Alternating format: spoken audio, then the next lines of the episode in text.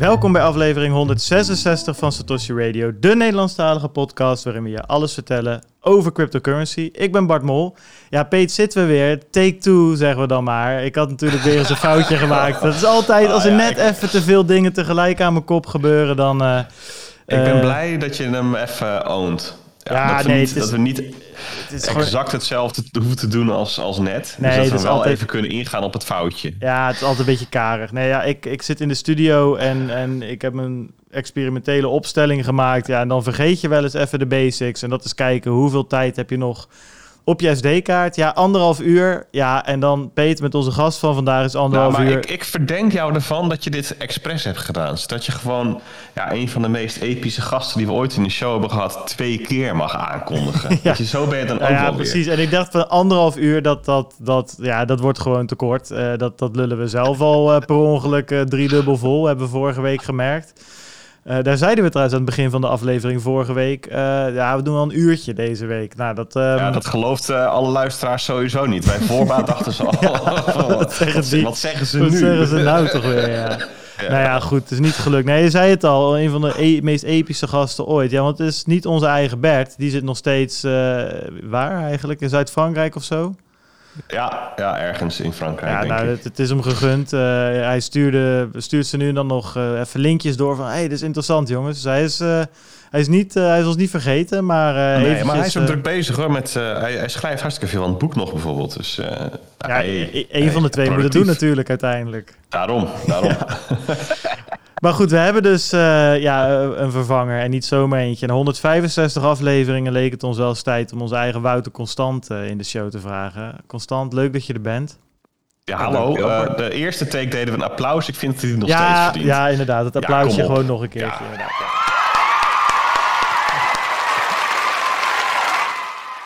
Ja, een van de weinigen die twee applaus, applausjes krijgt.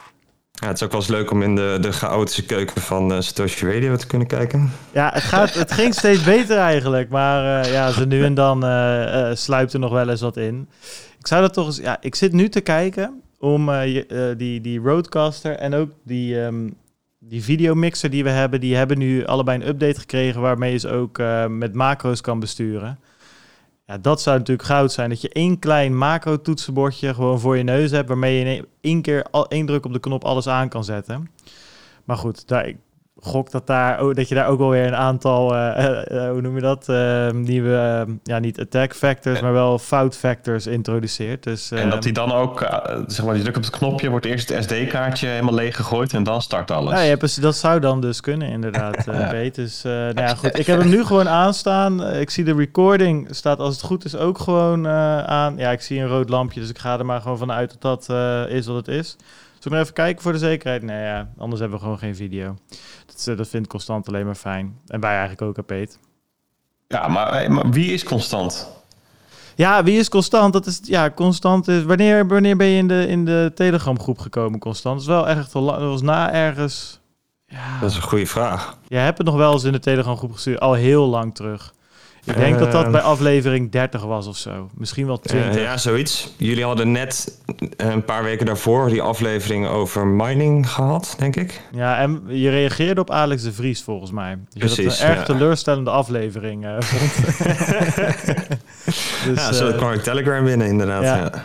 Ja, ik weet, ik weet nog goed met een heel verhaal over dat er nooit, eh, dat, eh, nooit genoeg oppervlakte op de aarde is om zonnepanelen op te leggen om te voorzien in onze energiebehoefte of zo. Dat was ook voor het eerst. Wij waren toen een soort van qua community een beetje. ehm, ja, Windmolens was het, dacht ik. Maar, ja, een, een van de twee. eh waren een beetje zoals die, eh, zoals die andere boys van ehm het crypto kwartiertje, weet je wel. Het was allemaal gewoon eh, leuk en iedereen zat nog in het kinderbadje een beetje te praten over, over Neo en N-shares en, en andere altcoins. Toen kwam constant even het leven uitleggen en eh, nou, gelukkig is die nooit meer weggegaan. Dus eh, community professor, ja, natuurlijk ook wel op meerdere andere plekken heb jij gepraat over Bitcoin. Je hebt ooit eh, een paar jaar terug bij Weltsmerts, toen het nog wel eens over iets anders ging dan corona, ehm, heb je het gehad over, over Bitcoin. Voor mij drie afleveringen lang, drie keer een uur of zo, of drie keer twee uur, iets in die richting. Best wel eh forse serie.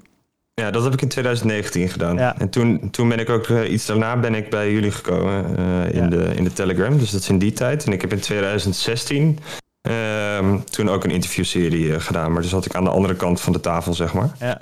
Ehm, en toen heb ik ook een interviewserie over, eh, over Bitcoin gedaan. Ja, nou, dus... Je, je hoort het, jongen. Dit is gewoon, het gaat gewoon richting de OG. Hè? Dus dit is een Satoshi Radio OG, een Bitcoin OG. ja. Hij is knap. Weet je, wat, wat- ja, Ongemakkelijk van, zeggen, eh, Peet. alle, alle dames die kijken. Glij niet van je stoel, Peet. Je, je, je mag eh, kaartjes sturen. Volgens mij is die zelfs nog vrijgezel. Weet je, dit is, eh, ja, dit is toch gewoon een buitenkans. Weet Ja. je, een buitenkans om, eh, om, om naar iets unieks te luisteren en iets unieks te kijken. Ja, en we volgens weten- mij hebben we hem nu mooi op het podium gezet. Hoor. net zeggen, zeggen, gaan we nog over Bitcoin Ja, hebben? en we of, eh, weten niet wat er gaat gebeuren, dus misschien is het ook zomaar eens de laatste keer dat eh het constant is. We nemen toch een risico hier. Ehm, Even kijken hoor. Deze podcast die wordt mede mogelijk gemaakt door Anycoin Direct, eh Bitcoin Meester, Watson Law, Ledger Leopard, Bitfavo, Amdax, Vanek en Blocks. De disclaimer natuurlijk. Alles wat wij vertellen is op persoonlijke titel en moet niet worden gezien als beleggingsadvies. Je ziet, Peet, die, Die eerst mute ik mezelf even, maar die vul je natuurlijk nergens in. precies, die vul je nergens in. En je houdt voor Ehm, jezelf. Die hou je gewoon voor jezelf. Eh, als je nieuw bent, die 24 woorden, jongens, dat is het belangrijkste wat er is. Eh, hou die voor jezelf. Geef die nooit weg via het internet aan andere schimmige partijen. Of niet schimmige partijen. Geef ze gewoon nooit weg. Steun de podcast door te luisteren via Breeze. Wil je bijvoorbeeld een eurotje per uur betalen, dan is het 42 sat per minuut. Ja, dat was het gisteren. Ja, vandaag zitten we natuurlijk alweer... eh nou, valt mee. Ik eh, hou hem gewoon op 42. Nou, ik, 42. Het zal misschien drie, precies. 42. Ik, ik vind het wel goed. Het is gewoon prima. Ja. We zijn bereikbaar via Telegram en Twitter. De links vind je op www.satoshiradio.nl. Daar heeft eh, Ramon heeft ook allemaal weer nieuwe filmpjes gemaakt... waarin alle Telegram groepen... want we hebben er nu opeens heel veel vanuit het niets. Ehm, we hebben een extra meme pool... eh, waar Ramon de mensen leert memes te maken. Ja, ik ben heel benieuwd wat daar uitkomt. Eh, ik denk altijd zelf, ja, memes die moet. Ja, ik weet niet of je een memefabriek kan maken. We gaan het zien. Ik denk als één iemand het kan, dan is het Ramon wel. Dus wat dat betreft Ja, heb ik. als eh, Ramon het niet kan, dan, Dan kan is die hypothese bevestigd dat memes gewoon, ja, die moeten spontaan ontstaan. Daar moet je talent voor hebben, ja, weet je. Maar we Wie gaan weet, het zien. wie Dus weet. Ik, ik heb ook wel weer vertrouwen in Ramon als, eh, als meme-leraar. Ja. Je, hebt die, die hebt die groep van Strike. eh, dus die, die zit in de Strike to Meme Valhalla. Ehm, ja, het, is, eh, het, het zijn nog steeds eigenlijk dit, dat handjevol eh gasten die, die kwaliteit leveren daar. En de, voor de rest is het een hoop, hoop rotzooi. Ja, Nou, moet, niet het helpt. Misschien geldt wel van eh, gewoon heel veel creëren en dat daar dan soms iets tussen zit wat heel bruikbaar is. Wat er niet was geweest als je niet zo'n groep had gehad. Dus dat Ja. kan ik me nog wel voorstellen. Maar dan heb je dus wel iemand nodig als Ramon, als de grote curator.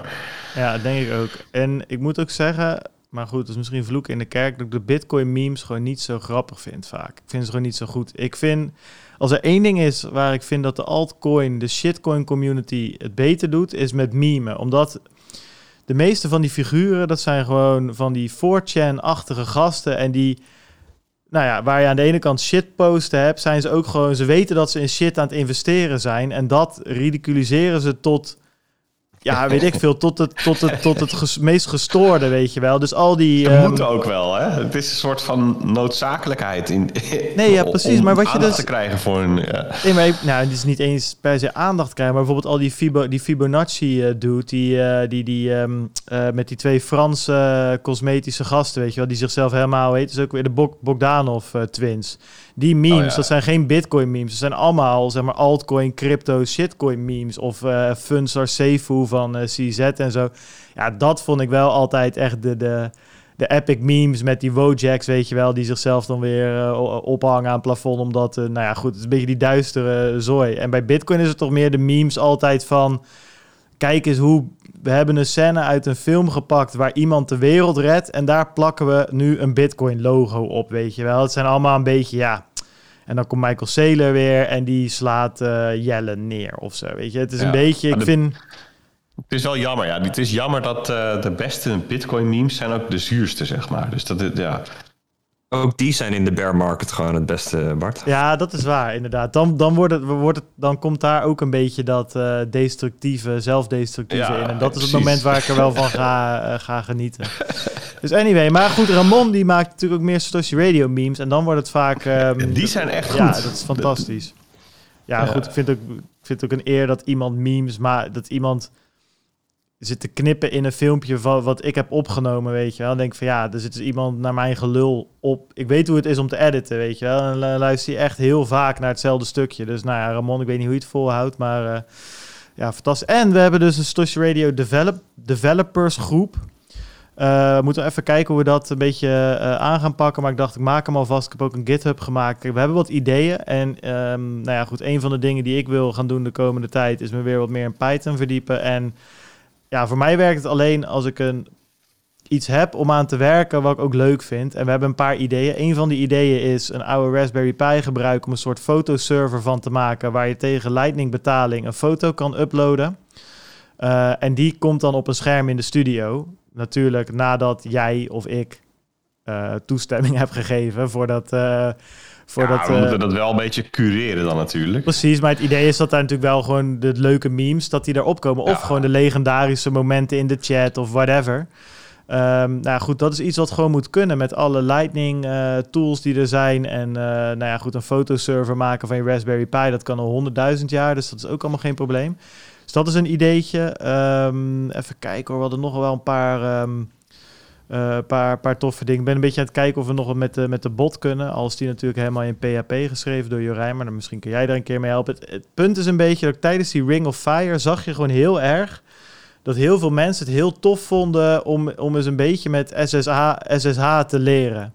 Uh, te leren omgaan. Dus dat ze echt zoiets hadden van... oh, wow, wat gaaf dat, dat ik eventjes ik had nooit verwacht dat ik het voor elkaar kon krijgen om dit scriptje te runnen, of dit te doen, of zus te doen, of zo te doen. En um, ja, ik heb zoiets van, dat is wel leuk. Als, het was heel gaaf om te zien dat, dat een laptopman en een Stijn en een Kloek en, uh, en uh, Jorijn en jij ze nu en dan daar gewoon eens een keer ja, mensen helpen met het ja, gewoon een paar tips geven. Joh, kijk eens naar deze library of zo, weet je wel. En dan komen ze er zelf wel uit. En um, er zijn gewoon heel veel mensen die heel graag een beetje willen leren programmeren. En ik denk dat dat, dat, dat een heel leuk platform hey Bart, kan worden. Ik, ik uh, ga eventjes een pakketje aannemen. Ja, uh, Constant is weer terug, geloof ik. Dus uh, ik, ik, ik... heb het stekkerblok aangezet, zodat mijn computer niet in één ja. keer uitvalt. Nee, precies. Nou, dan gaan wij gewoon verder. Um, nou, dan, dan, dan mag jij me meehelpen, Constant, met... met... Nou, dat, dat is geen probleem, want ik heb er wel wat op te zeggen. Ah, okay, dat ik... Uh, ik zat daar laatst ook over na te denken. Dat ik denk eigenlijk dat je een soort van kritieke massa hebt bereikt. Dat zie je ook in die, die Lightning NL groep. En wat je, en dat komt grotendeels ook door, door jouw inzet van, uh, van de noodzaak en dergelijke. Dat omdat je 250, wat is het, 250, bijna 300 mensen inmiddels zo, zo ver hebt gekregen om zo'n nood in elkaar te knutselen. Uh, is de groep gewoon groot genoeg om daadwerkelijk ook iets te kunnen gaan doen. Dus als jij een beetje enthousiast leuk idee hebt, dan zijn er genoeg medestanders om daar ook echt wezenlijk mee aan de slag te gaan. En dat is, uh, en, en dat is, gewoon, dat is gewoon belangrijk. Dat is gewoon een, een, een kritieke massa die je, uh, die je hebt om, om ook echt iets te kunnen doen. Want anders dan kan je wel een leuk idee hebben, maar dan blijft het bij een idee. Want dan kan je gewoon uh, kan je de mensen niet vinden om ermee aan de slag te gaan en zo. En nu, is er, nu zijn er altijd wel een handje van mensen die, uh, die aanslaan op wat, je, op wat je van plan bent.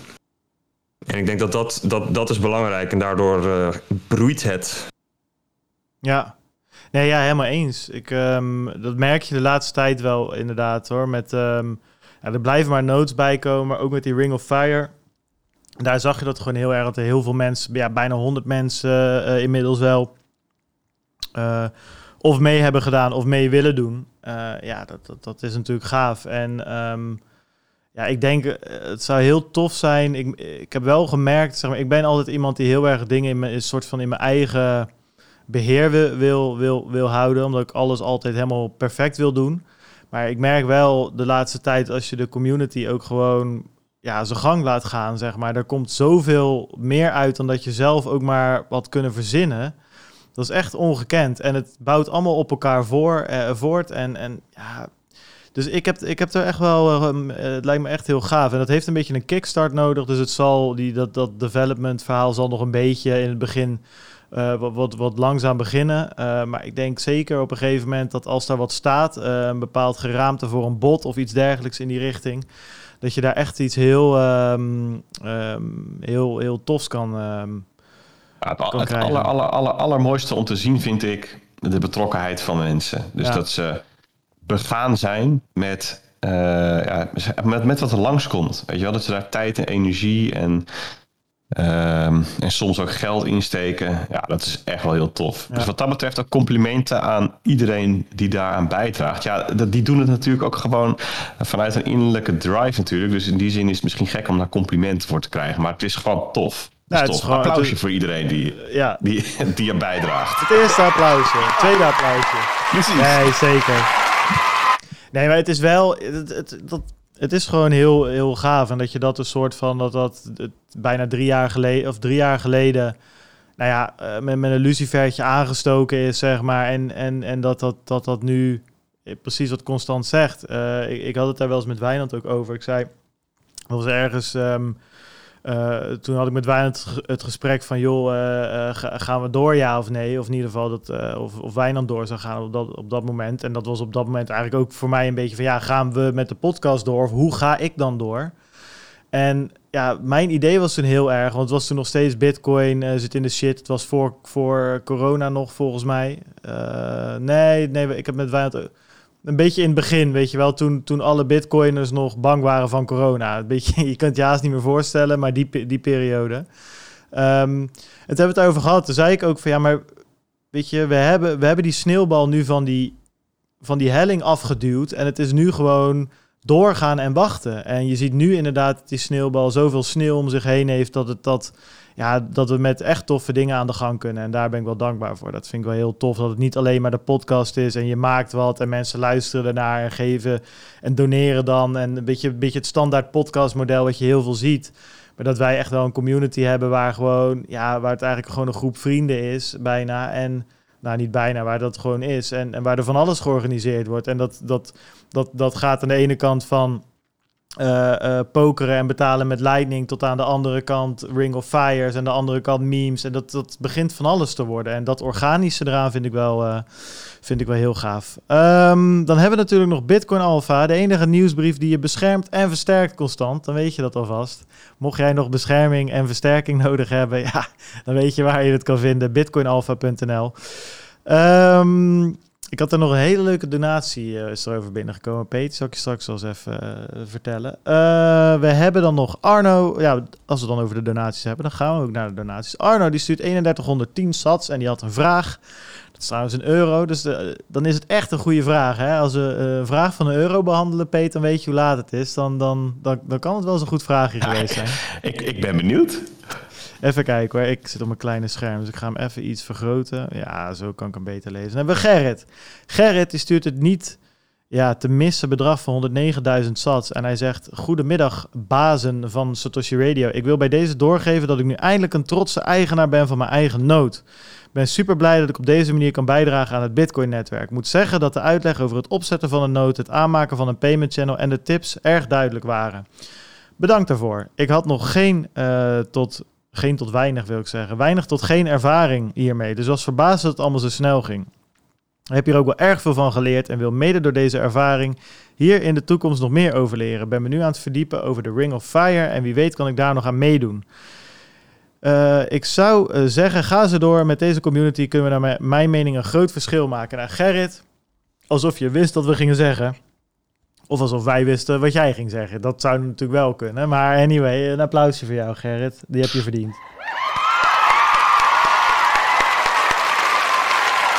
Ja, de eerste alweer van deze week. Ja, dan, dan- ja, we hebben echt weer een lekker aantal. Peter, je moet wel even gaan eens een keer met die cursor weg in de donatie die ik voor aan het lezen ben. Dan zie ik dat, dat, dat roze irritante oké. cursortje door dat, door dat document heen gaan.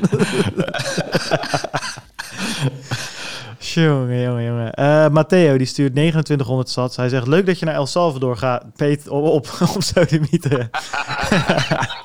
leuk dat je naar El Salvador gaat. Eh, Bart, wordt vast goede content en, content en neem anders je Alpha-abonnement abonnement mee onderweg.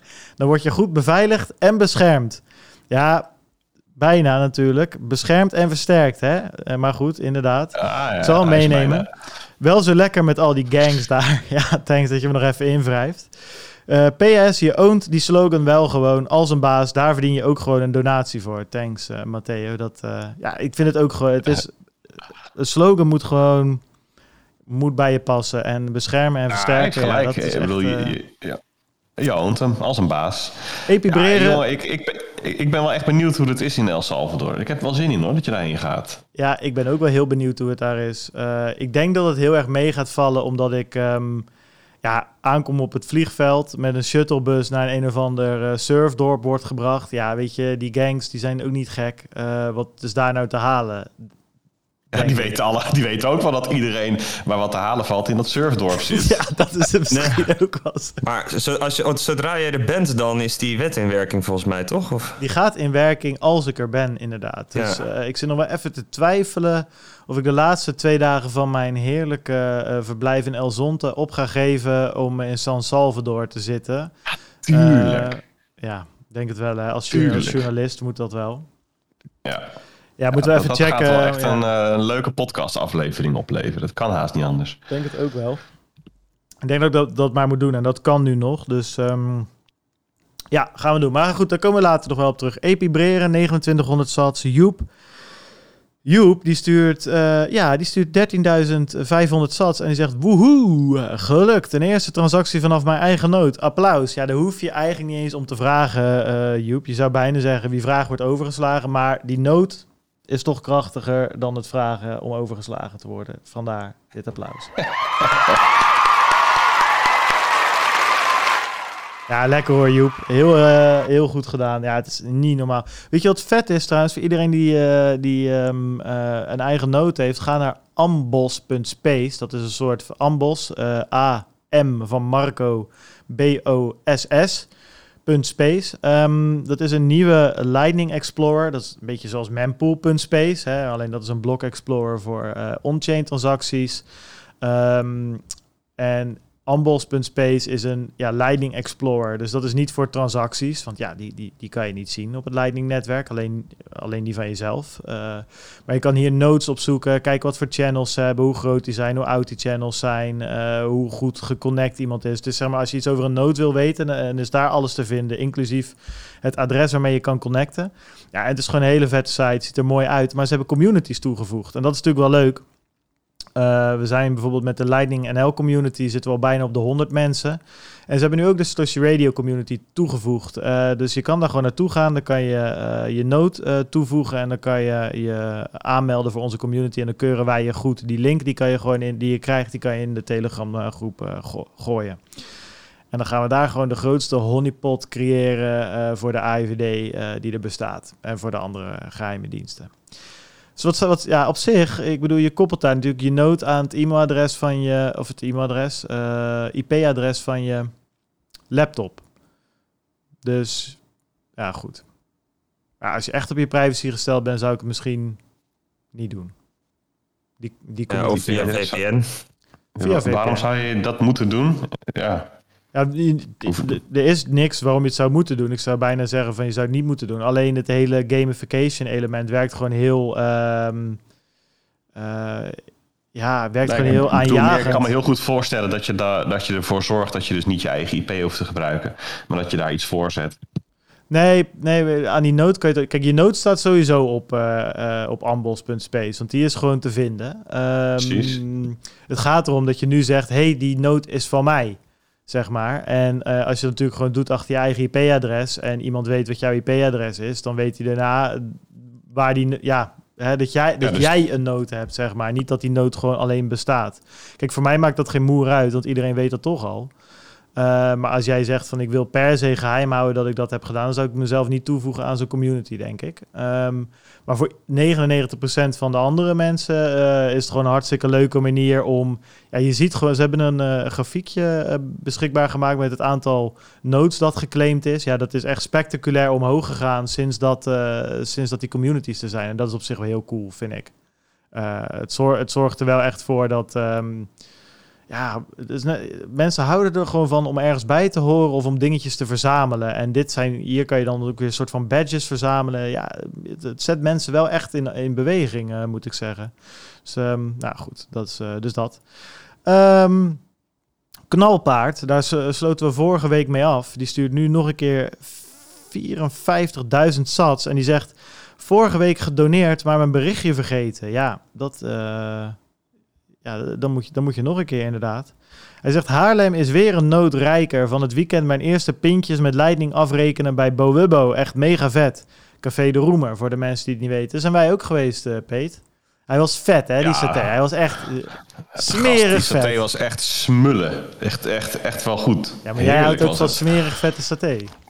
Nou, dat is niet, niks over gelogen. Hij moet zeggen, met, Ze ze hebben daar heerlijke biertjes. En als je een beetje lief vraagt, krijg je nog een fles wijn toe ook. Ik, ja, het was ja, goed. Het precies. was En goed. Nog een gewoon- bitter garnituurtje, nog een extra satéetje. Nee, hij heeft daar echt wel een mooi, eh, ja, mooi stukje Haarlem. Mooi stukje Haarlem. Maar heb jij nu ook afgerekend met, eh, met, met Lightning dan, eh Peet? Jazeker. Of heb je dat Tom laten doen? Nee, mijn, mijn, mijn Blue Wallet was, was rijkelijk gevuld. Ik had dit keer had ik niet iemand anders nodig. De eerste keer dat ik met Lightning moest betalen, had volgens mij Leon voor, eh, voor me betaald. Toen had ik geen Lightning Wallet. ai, ai, ai. Ja, nee, maar dit is wel... Ik, ik, ik raad iedereen aan om even bij, eh, bij Jan langs te gaan. Ja, nee, zeker. En het leuke is ook inderdaad, als we het dan toch hebben van de, wie hoe betaald heeft. Zeg maar, Tom die had eh, als een echt, eh, zoals het hoort, want ik had ook gewoon mijn Blue Wallet gebruikt hoor. En voor dit soort dingen, ja, plus eh, moet ik heel eerlijk zeggen, als ik hem aan mijn eigen nood aansluit, dan ben ik ook zeg maar geld van Bert en Peet aan het uitgeven. Dus dat maakt de boekhouding niet makkelijker, zeg maar. Nu is het gewoon simpel, alles wat erop staat, nou ja, goed, dat kunnen we verdelen. En op het moment dat ik dat uit ga geven in, eh, in, aan spareribs en saté, ja, dan wordt het lastig. Anyway, dat is natuurlijk gewoon een domme smoes. Ik vind Blue Wallet ook gewoon heel, eh, heel makkelijk. Maar Tom, die had het netjes via zijn eigen noot en via Tor gedaan. Dat duurde iets langer, maar alsnog acceptabel hoor, moet ik zeggen. 20 seconden of zo. Toen was het eh, er echt wel vanaf begin tot eind doorheen. Maar Ehm, toch, weet je, je, ik had ook wel zo'n momentje dat ik dacht van ja, wij zitten hier nu als, als eh, Bitcoin-fanaten hier heel tof te doen. Zeg maar, dan vinden we dit cool. Maar als je ernaar kijkt vanuit een betaalperspectief van gewoon de Nederlander, die denkt echt van wat, zijn- wat, wat, waarom zijn jullie blij met iets wat slechter werkt dan mijn pinpas? Zeg maar. Ja, je moet wel zeggen, met Blue Wallet komt het in de buurt, maar het werkt wel slechter. Het is een beetje, ehm, ja, alsof je, alsof je in de kwartfinale van de Champions League bent gekomen. Dat is heel goed. maar ja, je hebt hem niet gewonnen, not even close. Dat is wel, dus dat is wel waar. Alleen, ehm, ik zat, ja, daar zat ik dus laatst ook aan, maar goed, daar ga ik denk ik iets over schrijven of iets. Dan moet ik even iets op papier zetten, want inderdaad, waarvoor, ja, als dit het summum is, zeg maar, wat, wat, wat is het dan? Zeg maar, waarvoor zou ik dit Ah, vaker gaan doen of zo?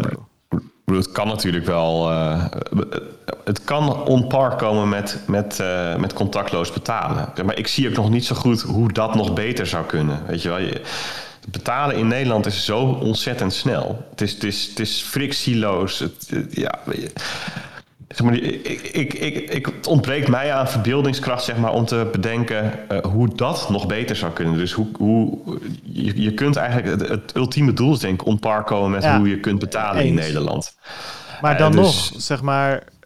En, en, en, en, dan zeggen. Dus mijn, mijn enige reden zijn om dit echt vaker te doen. Nou ja, het zijn wel meerdere redenen. Maar voor de, voor de massa, denk ik. Kijk, voor mij, vind, ik vind het gewoon vet. Ik vind het leuk. En eh, ja, het helpt.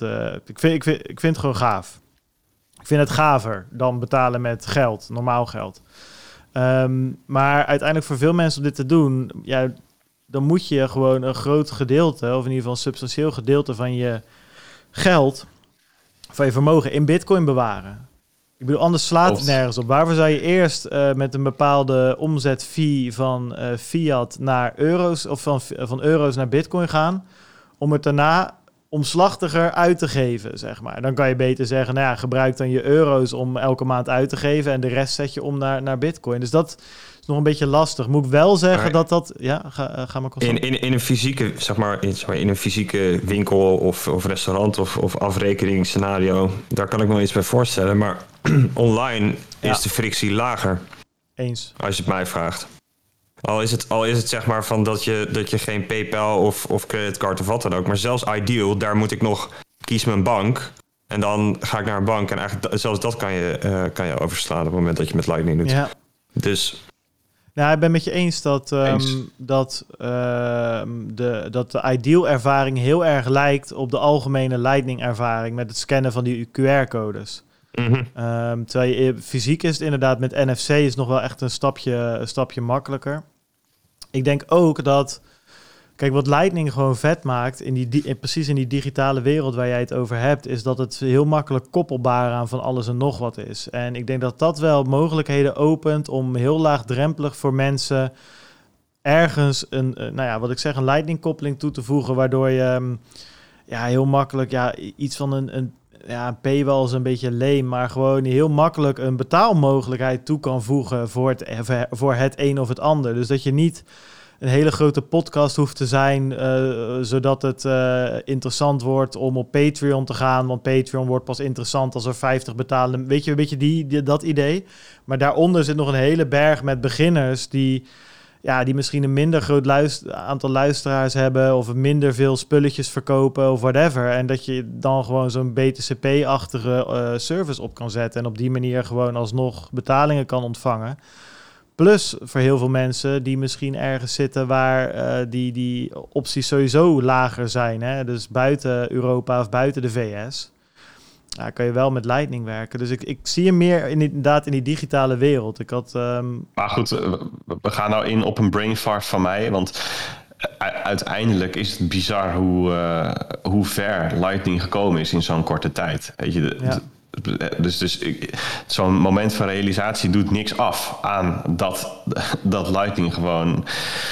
Ja, ja, wat is het? In een, in een jaar of twee, A3, gewoon, eh, gewoon wel echt een eh, serieuze betaallaag aan het worden Nou, is. en, en dat is wel natuurlijk een hele goede. Als backup begint het wel ver- verdomd goed te worden, zeg maar. Hè? Want, ja, en, eh, en naarmate de toepassingen groter worden, hè, ook, we hebben het vorige week ook even gehad over invoices die functionaliteit krijgen. Kijk, dat is uiteindelijk waarom mensen gaan, eh, het, eh, ervoor kiezen om het wel te gaan gebruiken. Ja. Omdat er gewoon toepassingen zijn die ze interessant vinden. Maar weet je, het, het is, ehm, ik ben nog steeds super positief erover. En voor mij is dat een winkelier of dat iemand aangeeft graag sats te willen hebben, eh, zou voor mij ook wel reden zijn om het te gebruiken. ja, nee, eens. Dus eh Ehm, Sep. Nee, ja, Hebben- knalpaard. hebben- We hebben nog hebben- geen oh, eh, hebben- applausje. Want hij Oh, zegt, eh, door die noot ga ik nu nog net even een stapje dieper in de Bitcoin rabbit hole. Thanks.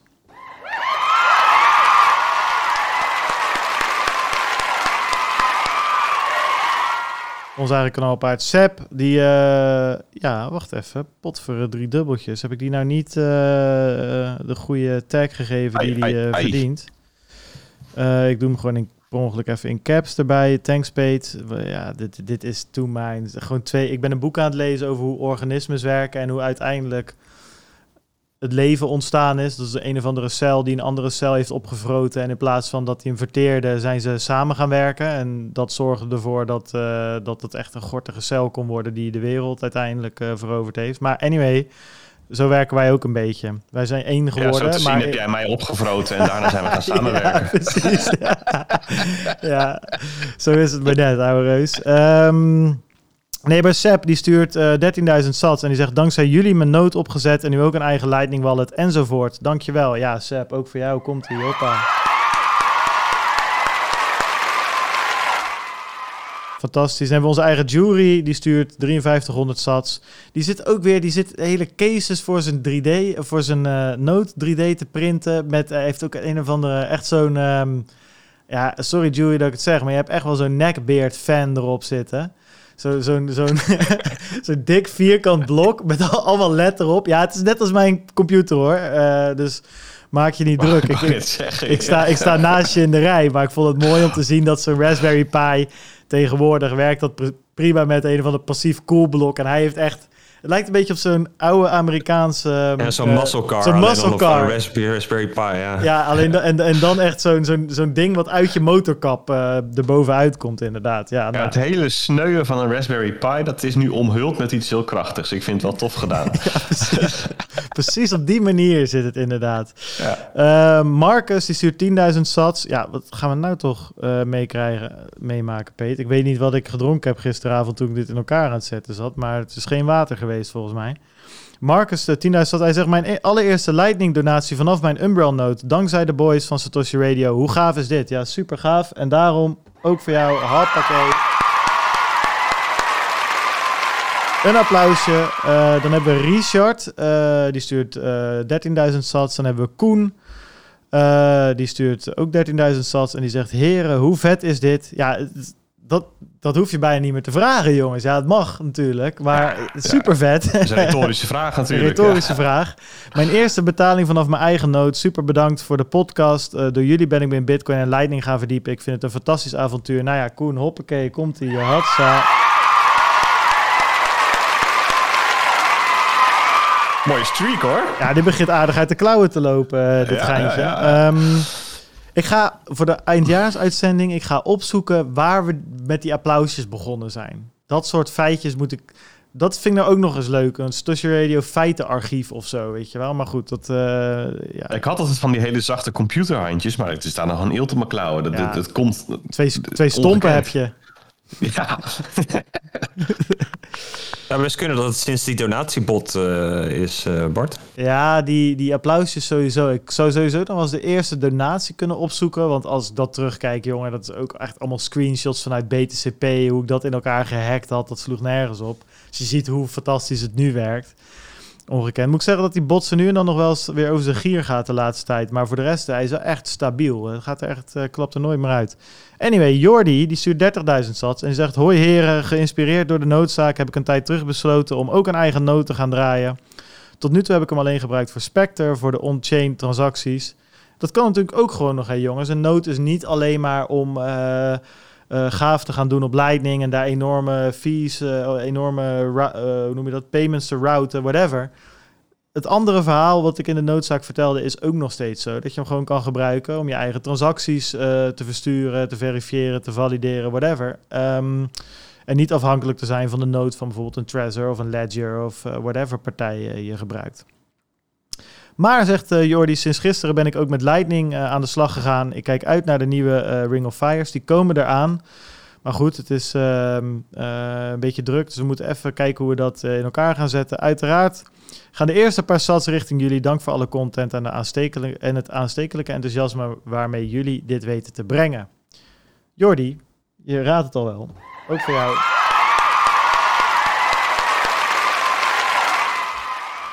Fantastisch, fantastisch. Dan hebben we natuurlijk onze eigen Markie en die stuurt geen sats, die stuurt gewoon een eurotje. Nee, hij is eh, 2564 sats, een euro.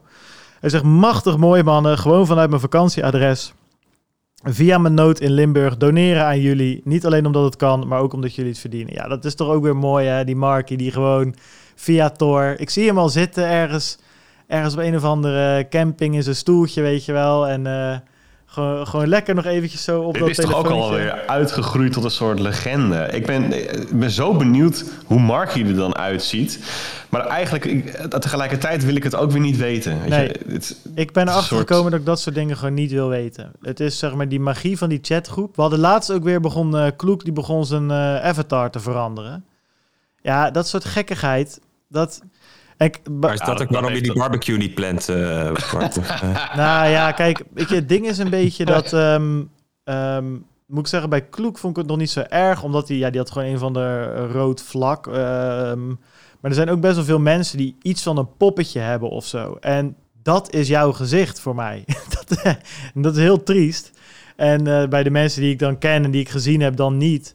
Maar ja, weet je, zo'n. eh, ik weet nog wel toen eh, Anonymous op een gegeven moment die, eh, die oude Griekse god van hem eh, ehm, veranderd had in een of ander random iets anders of zo. Dat, dat, dat werkte voor mij niet meer of zo. Dus als je langer dan een jaar zo'n avatar hebt, dan heb je hem ook gewoon voor altijd. Dan is dat gewoon jouw online gezicht, vind ik.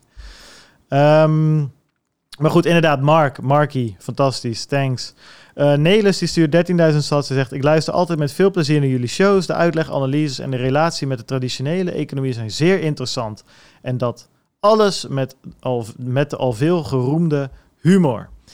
Ik begrijp dat jullie een voorkeur voor Bitcoin hebben. eh, dat begrijp ik volledig. Ehm, maar jullie pretenderen een show over cryptocurrency te maken. En dat is natuurlijk wel breder, veel breder dan alleen Bitcoin. Afgelopen aflevering hebben jullie eindelijk weer wat tijd besteed aan altcoins zoals Ether. Dat vind ik wel een donatie waard. In bitcoin. Nou, dat dat is, is- weer mooi. Dat is eh, snel verdiend dan. Ja, precies. nee, ja, kijk, weet je, eh Nelis, ehm, ja, moet ik er nou voor zeggen? Eh, We gaan het er vandaag weer een beetje over hebben. Kijk, als wat gebeurt, dan wil- willen we het er best over hebben. Alleen de focus ligt er gewoon niet op. En eh, al Nou, helemaal... we, we hebben het toevallig eh, toch ook gewoon helemaal uitgelegd vorige, keer, vorige aflevering. Nee, maar dat is ook wel zo. Dat, dan, dan het is is er... voor ons helemaal geen, geen probleem om het over te hebben. Alleen het, ja, het is ook gewoon een stukje tijd en aandacht en energie waar we dat nu gekanaliseerd wordt eigenlijk richting alles wat er gebeurt rondom Bitcoin en Lightning. En ja, Ja. dat, daar gaat, dat slokt eigenlijk als een zwart gat alle aandacht op. Terwijl er heus interessante dingen gebeuren buiten eh, dat domein. Zeg maar, als het alleen maar op infrastructureel of technologisch gebied. Nou ja, komt is het alleen maar... ongetwijfeld wel, wel weer ehm, terug. Het is alleen maar op infrastructureel en technologisch gebied. Dat is een beetje het punt. En dan hebben we het er ook gewoon over. Ik heb gewoon geen zin meer om eh, het over een coin te hebben, omdat die drie keer over de kop is gegaan, ja of nee. Weet je wel, dat. Weet je, eh, ja. Misschien Ergens- is het daarom ook logischer op het moment dat, dat, dat je dat in, in, in, in een bear market doet. Want dan kan je zien van wat er van over is gebleven. In Ja. plaats van dat het eh, gedurende de hype van de, van de bull market. Ja. Dan, ik bedoel, dan is alles relevant. Nee, Hoe ja, is het met je. Uniswap airdrop, eh, Bart? Eh, Uniswap heb ik nooit gehad. Nee, kijk, en weet je wat het is? En het, het is ook gewoon... Kijk, ik ben ook ergens gewoon een gokker, hè. Dus ik heb er ook niet zoveel op tegen. Eh, ik bedoel, je kan er een ethische discussie over hebben... maar ik vind het over het algemeen... hebben veel mensen ook wel een beetje boter op hun hoofd. Maar dat maakt niet uit. Die, die, standpunten mag je hebben. Maar ik heb niet zo'n probleem mee als mensen investeren in altcoins. Oprecht niet. Eh, doe het. Eh, als je er geld mee kan verdienen, top. Je kan er ook heel veel geld mee verdienen, laten we eerlijk zijn. Ehm, maar het, ja, het zit een beetje tegen het gokken aan. Ik ben zelf van de, van de overtuiging, als je er heel veel tijd in steekt en een beetje een idee hebt hoe je die hype eh, in kan schatten, dat je vaak als je een beetje met hagel schiet en op het goede moment schiet, nou, dan, dan, zit daar nog een soort van skill in. Dus ik vind het niet puur roulette. Alleen daar zit niks achter behalve geld verdienen. En ik vind dat prima verder. Mensen mogen dat doen. Maar die Uniswap airdrop, ja, die heb ik niet. Ik heb wel een ICP airdrop. Ja, die, eh, die, die, die, die, kwam ook op de markt eh, met een market cap eh, nummer 5 of zo. Ja, dat sloeg nergens op. En weet je wat het ding is? Eh, ik, ik krijg dan elke maand eh, wat van die tokens. De eerste maand direct verkocht, omdat het echt eh, nou, best wel een paar duizend euro was of zo. Die andere maanden opgespaard, omdat het helemaal geen zak meer waard was. Ehm, ja, en nu dacht ik van een paar dagen terug van... joh, ik verkoop die zo en ik ga naar El Salvador. Nou, leuk, makkelijk verdiend. Van een airdrop, lekker naar El Salvador. Daarna naar mijn vriendin in Mexico. Nou, top. Ik verkoop het, drie dagen later, 100% in de plus. Ja, weet je, dat gevoel wat ik daar weer bij krijg... Zeg maar, dat, dat gokkersbloed wat weer door mijn aderen giert... handjes. Nou, toen was ik er alweer klaar mee. Toen dacht ik, ja, hier heb ik geen zin meer in. Het is, het is, ik word er onrustig van. Ik ga ervan trillen. Ik slaap er niet goed van. Het, het, en ik was gewoon lekker bezig, weet je wel. Gewoon lekker een beetje dingen aan het maken. Met mensen, nieuwe mensen eh, ontmoeten. Samen toffe dingen maken. Dat is waar mijn focus ligt. Ik heb er dus voor de rest niks tegen als dat voor andere mensen anders is. Ehm, maar ja, goed. eh, het is niet echt meer aan mij besteed. En dat is ook niet echt de richting waar we met de groep en met de community op gaan. Dus ja, ik vind, zoals het nu is, ehm, vind, ik het, eh, vind ik het goed. Weet je, iedereen weet van, eh, joh, eh, het mag en eh, whatever, doe het lekker. Alleen hou het voor de rest, eh, voor een groot gedeelte buiten de groep als het gaat om je shitcoin die keer 10 is gegaan. Nou, dat werkt best wel aardig. Dus Nelis, ehm, good luck met je backs. En ehm, we spreken je over een tijdje. Nee, maar serieus, oprecht. Ga er lekker mee aan de gang. En ehm, ieder, ieder, eh, ieder zijn eigen pad. Eh Boebo stuurt 50.000 sats. Party in the city where the heat... Oh ja, hij zegt party in the city where the heat is on all night. On the beach till the break of dawn. Peet? Eh, dit klinkt als een nummer dat ik zou moeten kennen. Bienvenidos a Miami. Ja, nee, dat- is toch van Will Smith was dat toch? Die had dat kutnummer Ja, toch gemaakt? eh, Ja, ik ik bijna ben daar echt zeker. niet. Als ik hem hoor, dan kan ik waarschijnlijk mee. eh, Ja, ik stond hem net voor, ja. Oh ja, Miami. Will Smith. Ja, nou, ik, er zit nog wel een gat tussen hoe jij dit brengt en hoe Will Smith dit brengt. Will Smith kan Nou, ook niet zingen. Nou, Will Smith kan ook niet zingen. Ja, Ehm, je, had hem eigenlijk even onder de knoppen moeten zetten. Ja, Ja, dan, wordt je, je, videootje weer geband natuurlijk. zeggen, nou, je videootje is ook gewoon jouw video. Ik bedoel, straks, zijn wij, eh, straks worden wij ook van YouTube afgegooid. En wij niet Ik voor... kom, ik kom terug op mijn woorden, Bart, dat hij heel veel op Will Smith lijkt, jouw uitvoering, als we alsnog van YouTube afgekikt worden, omdat jij dat ingevoerd ja, precies. Als het YouTube-algoritme mij oppakt als Will Smith. Ja, dat zou mooi wezen. Ja, we gaan naar Miami. Eh, Bitcoin 2022 is in Miami. Eh, en eh, constant, weet je wel, kijk... als je met een groep gasten naar Miami gaat, dan is toch het eerste wat je zegt, dan, dan ga je toch met z'n allen gewoon in een groot huis zitten. En dan is het toch prima als er gewoon twee guys gewoon in één bed liggen. Dat, dat hoorde dan toch even een beetje bij. Gewoon twee persoonsbed, hè. Ik bedoel, je niet... Ah, ik, ik, een villa en witte pakken, dat is... eh, Precies. En dan gewoon lekker, net als vroeger op de voetbal of met, met de scouting, whatever. Gewoon met elkaar op de kamer, weet je wel. Dat dacht ik. Lachen, weet je. Een paar dagen. Blijk ik dus echt met een stel gasten op pad te gaan. Die allemaal komen van... Nou, ik ga alleen eh, als ik eigen kamer heb. Jeetje, Mina, jongens, jongens. Met je eigen kamertje. Houd toch eens op, Peter. Het is toch heerlijk om daar lekker... Ik bedoel, ik vraag je niet om lepeltje lepeltje met me te liggen. Maar je kan toch gewoon met z'n twee op één kamer liggen? Dat is toch... Ik, ik lig het liefst een paar huizen verderop van jou. Ja, is er nou nooit iemand op voetbalkamp geweest of zo... waar je gewoon met 30, ma- 30 kotsende Ja, mensen ik- in, in ik in één met, eh, eh, bedzaal ligt? de lucht is meestal nog wel te doen, maar als iemand gaat snurken, dan wordt het wel heel ingewikkeld. Dat is wel... Precies. eh, Ah, Nee, maar Bart, van de acht mensen zijn er vast twee of drie die samen met jouw hutje mutje in een kamer willen liggen. Dat is het mooie van al die villa's. Die hebben ook een kamer waar vier stapelbedden staan. Prima, ga jij daar liggen, opgehokt Nee, met het andere kippen. niet. Je kan, ja goed, ik heb prachtige villa's gezien. Ben je voor 100 euro per nacht lig je in een villa met een zwembad en een, ja, een butler van alles en nog wat. En ehm, ja, deze gasten willen voor 250 euro per nacht in een, een of ander hotel gaan slapen. 60 kilometer verwijderd van het conferentiecentrum. Maar ja, heb je wel een Eh, eigen kamer waar, waar, waar, waar de crackspuiten nog in je nest liggen. Maar goed, hè, ehm, ja. Nou ja, anyway, we hebben het er nog wel over.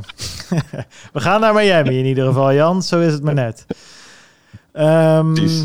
hebben we als laatste Husky Dory, die stuurt 12.000 sats, eh, bijna 13.000 eigenlijk. En die zegt, hallo, dankzij eh, jullie informatie via de noodzaak Bitcoin Alpha Nieuwsbrief, de podcast en de techneuten die bereid zijn om vragen te beantwoorden binnen de Telegram groep, ben ik hier al ben ik hier beland. En kan jullie een donatie doen. Bedankt en ik blijf jullie en mijzelf ontwikkelen. Ik blijf jullie volgen en mijzelf ontwikkelen. Zo is het. En ik heb er even nagevraagd bij Husky Dory. Dit gaat echt om een gloednieuwe noot. Hè? Dus het is geen eh, dat hij niet al die noodzaken heeft gekeken en eh, via Blue Wallet nu eh, wat doet. Of via Moon of whatever. Nee, echt een eigen noot. Dus laatste applausje van deze week voor jou Husky Dory. Compleet verdiend.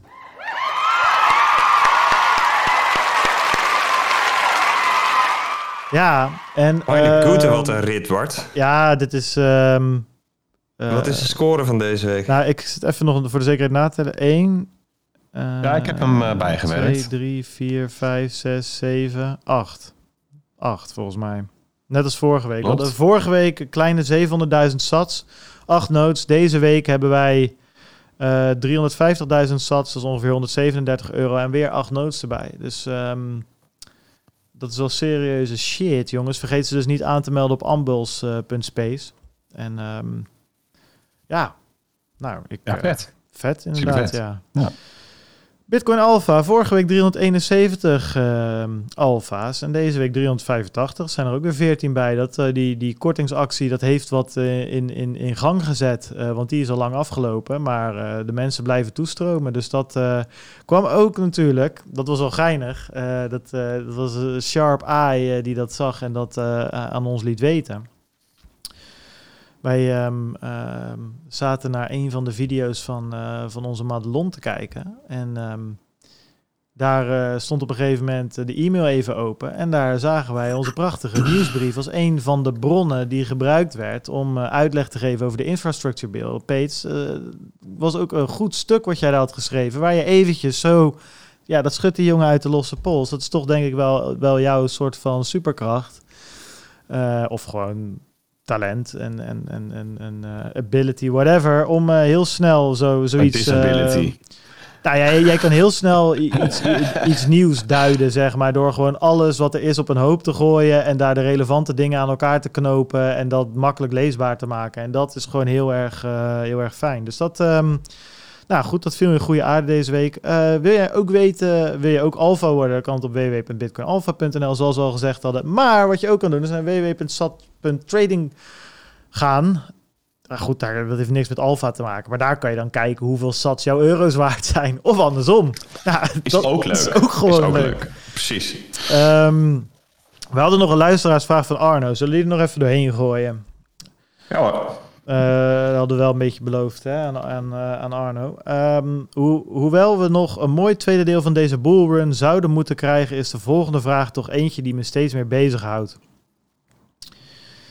Uh, wanneer je het einde van de bullrun zou willen traden, wordt er door sommigen aangeraden om bij, je, bij het verkopen van je bitcoin dit om te zetten naar een stablecoin en niet naar euro's. Klinkt als vloeken in de kerk, maar is dat het ook? Zijn stablecoins ook gewoon shitcoins? Of zijn ze hier effectief geschikt voor? Ik heb er ernstige twijfels over. Hopelijk kunnen jullie een en ander verduidelijken. Wat is dan bijvoorbeeld een veilige manier om cash aan te houden tussen de top en de bodem als die niet terug kan naar je bankrekening? Um, ja, er zijn wel een paar dingen die we hierover kunnen zeggen. Uh, er zijn gewoon best wel wat um, uh, platforms waar je gewoon euro's aan kan houden. Hè, om eventjes mee te beginnen. Volgens mij Kraken kan je gewoon, uh, heeft een euro naar Bitcoin paar. Binance even lastig, omdat je daar die SEPA-withdrawals uh, staan uit. Dus daar krijg je niet meer vanaf uh, op die manier. Dus dat, dat zou ik niet aanraden. Uh, Coinbase, nou dat is wel vloeken in de kerk, maar daar kan je wel gewoon euro's aanhouden. ze zullen nogal wat platformen zijn waar je gewoon dollars, euro's of andere fiat currency aan kan houden. Dus ja, daar hoef je... Kijk, het, ding met tethers was, of stablecoins... Um, uh, dat dat de manier was om in iets stabiels te zitten zonder compleet uh, terug te gaan naar je bankrekening eigenlijk. Dat was een beetje het, uh, um, ja, een beetje het idee. En dat is eigenlijk niet echt meer zo. Zeker voor bitcoin kan je gewoon direct terug naar euro's en hoef je het volgens mij niet in een stablecoin te laten zitten. Misschien zijn de fees lager, dat weet ik niet, maar... dat is een beetje het ding. Hij geeft in zijn vraag niet aan waarom het beter zou zijn. Alleen dat het eventueel beter zou zijn, maar er zit geen toelichting achter van waarom nou, dat hier, dan niet. Hier, hier, zit nog wel een stukje feedback in aan vragenstellers of uh, donateurs. Want Nelis ook, hè, die, die geeft iets aan over, um, uh, over altcoins. Uh, het zou fijn zijn, want ja, weet je, daar zijn we een beetje overheen gestapt. Maar als je in je vraagstelling of in je bericht iets specifieker bent dan een hele categorie. dus stel je hebt zoiets van, nou, ik mis iets over altcoins, namelijk, weet je, misschien zitten daar daadwerkelijk onderwerpen tussen waarvan we zeggen, van, nou, kunnen we direct wel wat over zeggen, of dat gaan we eens uitzoeken, dat klinkt inderdaad interessant. Um, en uh, wat Arno eigenlijk zegt van, ik twijfel over stablecoins. Ik heb daar ernstige twijfels over. Uh, welke dan? Weet je, het deel maakt die twijfels is concreet, want dan kunnen we daarop ingaan. Uh, en al dan niet die twijfel wegnemen. Uh, want wat, wat het met stablecoins, ja, toen ik dit las, dacht ik ten eerste van joh, ik weet niet hoe letterlijk ik het moet nemen, maar het, het, einde van de bullrun traden, dat lijkt mij een slecht idee. Uh, even ingaand op. Lijkt me een fantastisch idee, Peter. Als je... Ja, ja, precies. uh, voor, voor, vooral de, de als die erachteraan komt. Hè. Dus als je dat kunt timen, ah, weet je, dan, dan heb, je, uh, heb je ook superpowers die anderen niet hebben. Um, maar waarom dat niet altijd een goed idee is, laat ik het iets neutraler zeggen. Um, ja, dat kan Bert altijd heel goed uitleggen. Als je dat wil weten, wordt alfa en dan hoor je dat met enige regelmaat alweer terug. Uh, dan komt de vraag, hoe stap je dan uit? Als je wil uitstappen, ja, dan kun je inderdaad eh, zeggen van... nou, ik ga een stablecoin gebruiken naast uh, gewoon naar euro... of, of nou, afhankelijk van welk platform je zit. En dan is de vraag, welke is het meest betrouwbaar? Ja, dan, ga je dus uh, alle stablecoins op een rijtje moeten zetten. Uh, wat je voorkeur heeft. Nou, van Tether weten we dat daar best wel wat omheen uh, gebeurt.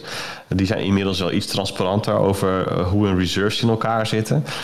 Um, ja, weet je, als je het mij zou vragen, dan zou geloof ik mijn voorkeur nu uitgaan naar USDC. Dus die van Circle. er zijn stablecoins op de markt die, die net die reserves nog iets... Um, uh, puurder hebben. Dus eigenlijk alleen maar in cash of in uh, notes die erop lijken. Uh, alleen daarvan zijn de volumes dan weer net iets te laag. Dus ik denk dat USDC wel een aardige mix heeft. en dan, ik heb daar niet heel veel twijfels over. Zeg maar, de uitstappende USDC, dat is volgens mij best prima. En, je kunt ook best wel een tijdje die, zeg maar, het geld dat je dan hebt in USDC aanhouden. Ja, wat je daarmee wil, ja, dat is weer een andere vraag. Wil je dat naar je bankrekening toe, ja of nee? Uh, en uiteindelijk is dat de belangrijkste vraag. Wat wil je nou eigenlijk met, het, met, met, dat, met dat geld dat je overhoudt aan het uitstappen? En, en de, het antwoord op die vraag, ja, daaruit volgt waarschijnlijk de, de beste manier om uit te stappen. Want als jij het naar je bankrekening wil, ja, dan zou ik niet direct naar USDC gaan. Dan zou ik gaan kiezen voor een platform uh, dat het makkelijk maakt uh, om geld naar je bankrekening over te maken.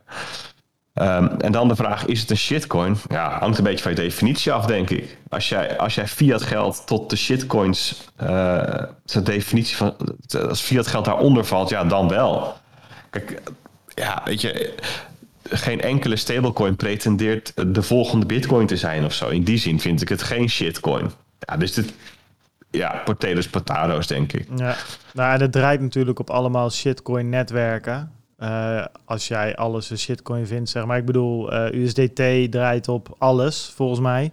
Dus Ethereum, BNB, uh, eh, allemaal andere smart contracts. Ja, maar goed, je kunt Bitcoin ook gerapt krijgen op allerlei netwerken waar je vraagtekens bij hebt. Is Bitcoin dan een shitcoin? Ja, nee, nou, nee, want Bitcoin heeft zijn eigen blockchain en Tether niet, zeg maar. Dus dan snap je een beetje wat mijn punt is. Ook zeg maar. wel, ook wel. Die hadden het Omni natuurlijk. Ja, nou ja, goed. Anyway, het, mijn punt is een beetje dat uh, het zou dus kunnen dat als jij een stablecoin hebt en er gaat niks fout met die stablecoin, maar wel met de onderliggende blockchain, dat je alsnog een probleem kan hebben. Dat is een beetje mijn punt. Een soort van dubbele afhankelijkheid ergens zit daarin. Kijk, ik snap het gewoon niet zo goed. Maar goed, dat moet inderdaad Arno, dat is een goed, goed dat jij dat zegt, Peter, even wat duidelijker maken. Kijk, als ik bitcoin koop of verkoop, ja, um, ik doe dat vaak via Kraken. Ja, is gewoon euro's erheen sturen, euro's eraf halen. En ik kan ze ook laten staan als ik dat wil, volgens mij, die euro's. Ik bedoel, dus als het punt is van jij wil snel. Kijk, dat is voor mij vaak. Was het punt met stablecoins altijd zo. Jij wil snel in kunnen grijpen. Dus jij wil. Als jij zegt van oké, weet je, zoals laptopman of als Bert, weet je, ik allemaal lijnen en cups en handles. Als hij dit raakt, dan wil ik verkopen. Maar ik moet ook direct kunnen inkopen als die dan weer uh, via de Fibonacci-lijn 11,43% gezakt is of zo. Ja, dan wil je natuurlijk niet drie dagen wachten op een SEPA-betaling, want dan is dat die window of opportunity uh, die is weg. Dus daarvoor had je stablecoins. Alleen inmiddels, ja, als ik gewoon euro's kan laten staan en gewoon een stop los kan instellen dat hij verkoopt naar euro's, of een order in kan leggen dat hij koopt met euro's, dan zie ik niet zo goed in waarom ik een tether nodig heb. Het enige waarvoor ik het me voor kan stellen is voor coins waar je geen euro paar hebt. Maar daar handel ik niet in. En daar gaat de vraag van Arno ook niet over. Die, die heeft het puur over bitcoin. Dus ja, laat het nog eens even weten. Maar ik denk dat, dat dit een beetje het antwoord um, is. En ik heb ook niet zo heel veel. Uh, kijk, het, eh, stablecoins zit je tijdelijk in, hè? Dus dat verkleint het risico, naar mijn idee, altijd wel, uh, wel een beetje. Plus, je doet dit als het goed is met je trading stack. Dus dat is ook, uh, als je goed risicomanagement hebt, niet alles wat je hebt. Dus, um, maar ja, goed. En um, ja, verder eens. Ja. Uh, eens even kijken. Ik uh, wil er eens even gewoon een leuk geinig nieuwtje ingooien, want dat gaan we doen nu. Um, ik uh, zag gisteren een tweet langskomen, vond ik toch wel weer grappig, van, uh, van Jack Mallers. Die had natuurlijk weer, uh, nou, de, de hype druipt er vanaf. Het enthousiasme druipt onder die tweet vandaan uit je beeldscherm. Want um, die, die Bitcoin aankoopfunctionaliteit die ze nu in gaan bouwen, hè, naast het hele Lightning verhaal wat ze hadden om, het, om geld te kunnen versturen, kan je nu ook Bitcoin kopen via Strike. Uh, daar zegt hij van, nou, we hebben nu uh, in, in de test gerealiseerd dat het 0,03% spread kosten zijn en geen verdere fees. Dat betekent dat je per aankoop betaal je 0,03% fees, ja, kosten. En that's it. Nou, dat is natuurlijk niks. Ik bedoel, um, ja, als je het goed doet bij de grote exchanges, zit je denk ik al met al op 0,25 of zo, of een paar procent zelfs. Schommelt een beetje daartussen. Um, maar wat ik nog interessanter vond, want ja, kijk, wij hebben hier voor de rest geen reet aan, want het alsnog niet duidelijk wanneer we het in Europa kunnen gaan gebruiken. Um, maar uh, er komt ook de mogelijkheid om je bitcoin van het platform af te halen. Um, eh, een DCA-functie, of die, die is er. Eh, er komt een DCA-functionaliteit. Maar wat ik wel geinig vond, is dat er een soort van in-app functionaliteit is die jij helemaal door het proces heen begeleidt om een formulier te maken die je aan je werkgever eh, kan overhandigen, zodat ze jouw salaris betalen aan Strike. En Strike zet het dan om in Bitcoin en stort dat op jouw wallet. En dat vond ik wel geinig, omdat dat best wel een papieren proces is. Je moet dan een formulier inleveren bij je werkgever. Maar zij hebben dat helemaal in die app gebouwd, dat je er helemaal doorheen uh, wordt. Moet je handtekeningetje zetten en dan krijg je een pdfje en die kan je aan je werkgever sturen. Maar dan kan je bijvoorbeeld zeggen van joh, um, nou ja goed, in mijn geval PwC kan ik ze zeggen van joh, jongens, de helft van mijn salaris mag je storten bij Strike. En zij zetten dat dan direct om in bitcoin, dus een soort van super DCA eigenlijk. en dat vond ik wel geinig. Dat vond ik wel een grappig um, idee. Ik ben benieuwd of dat allemaal kan hier in Europa, want dat zal allemaal wel anders zitten dan in Amerika. Zouden jullie dat, dat, dat overwegen, zo'n zo'n functionaliteit? Ja, hoor. Um, ja, zou ik, zou ik dat overwegen? Um, nou, niet direct. Het, het, is waarschijnlijk natuurlijk omdat de fees heel laag zijn voor het, voor het, voor het, voor het verkrijgen van die bitcoin. Maar anderzijds, um, ja, kan ze ook zelf kopen. En dan heb ik er. Uh... je hebt natuurlijk mensen die, die volledig andersom leven. Hè? Dus die, uh, die, die zitten volledig in Bitcoin. En uh, die, die verkrijgen de euro's die ze op zo'n moment nodig hebben. Ja, als, je, als je die omschakeling maakt, dan, dan kan het nuttig zijn. Maar ehm, zo leef ik op dit moment nog niet. Dus. Ja, nee, ik ook niet. Ik ook niet. Ik, ik vind maar zou ik het doen? Ja, ik, ik, vind het wel, ik vind het wel een leuke shortcut die hij bedacht heeft. Dus ik, dit zijn wel typisch van die features die, um, die wat mensen die, al, die al, hier al mee speelden in de gedachten over de streep trekken. En dat vind ik heel erg leuk. Dus, dus en dat vind ik ook het mooie van, uh, van het wereldje. Dat er gewoon lekker geëxperimenteerd wordt. Uh, features die misschien, waar misschien nu niet heel grote vraag voor is, worden wel gewoon gebouwd. En uh, ja, weet je dat zou in de, kijk, in de hele uitgedokterde en, en um, ja, weet je, uh, productontwikkeling zou dat niet zo snel gebeuren. Want dan ga je eerst kijken naar, joh, is, er, is er wel vraag? Nou, zo niet, dan wordt het gelijk van de lijst afgebonjourd. En hier wordt er gewoon een veelheid aan features gebouwd. En soms vinden features ook gewoon hun gebruikers weer. Ja, mij lijkt het wel heel vet hoor, moet ik zeggen. Omdat ja, het dan... is het heel vet, maar ik weet niet of ik er... Um, uh, ja, ik zou er nog dieper over moeten nadenken. Wat, zijn, wat de gevolgen ervan zijn. Nou, ik zie het eh, een beetje als uh, het stukje pensioen wat elk jaar door mijn werkgever uh, ingehouden wordt. mijn vakantiegeld wat ingehouden wordt.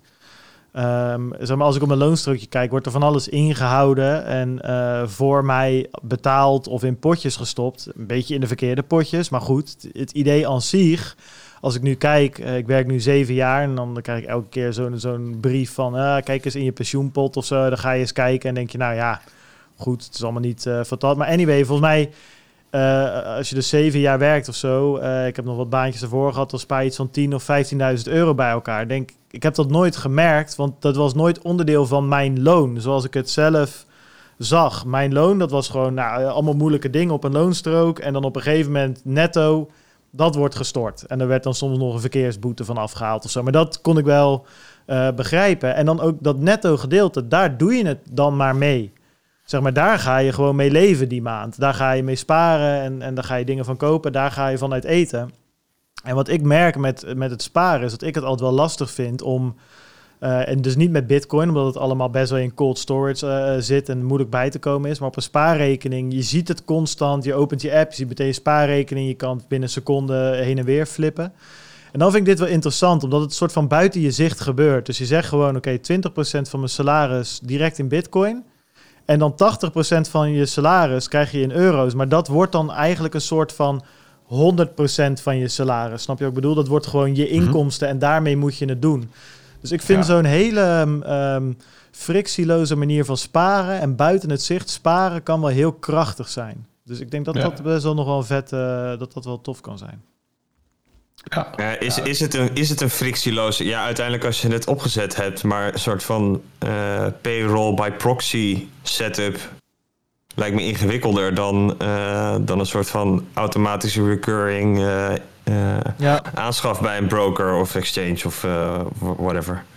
Ja, nee, eh, denk, ben ik wel met je eens. Alleen ik zou best wel wat over hebben om gewoon dat. ehm, zeg maar, het probleem bij mij is als ik mijn salaris zie binnenkomen en daarna gaat er wat van af. Psychologisch doet dat wat met mij. Dus ik zeg maar wat, je krijgt eh, 2000 euro binnen en er gaat 500 euro vanaf om eh, eh, Bitcoin van te kopen.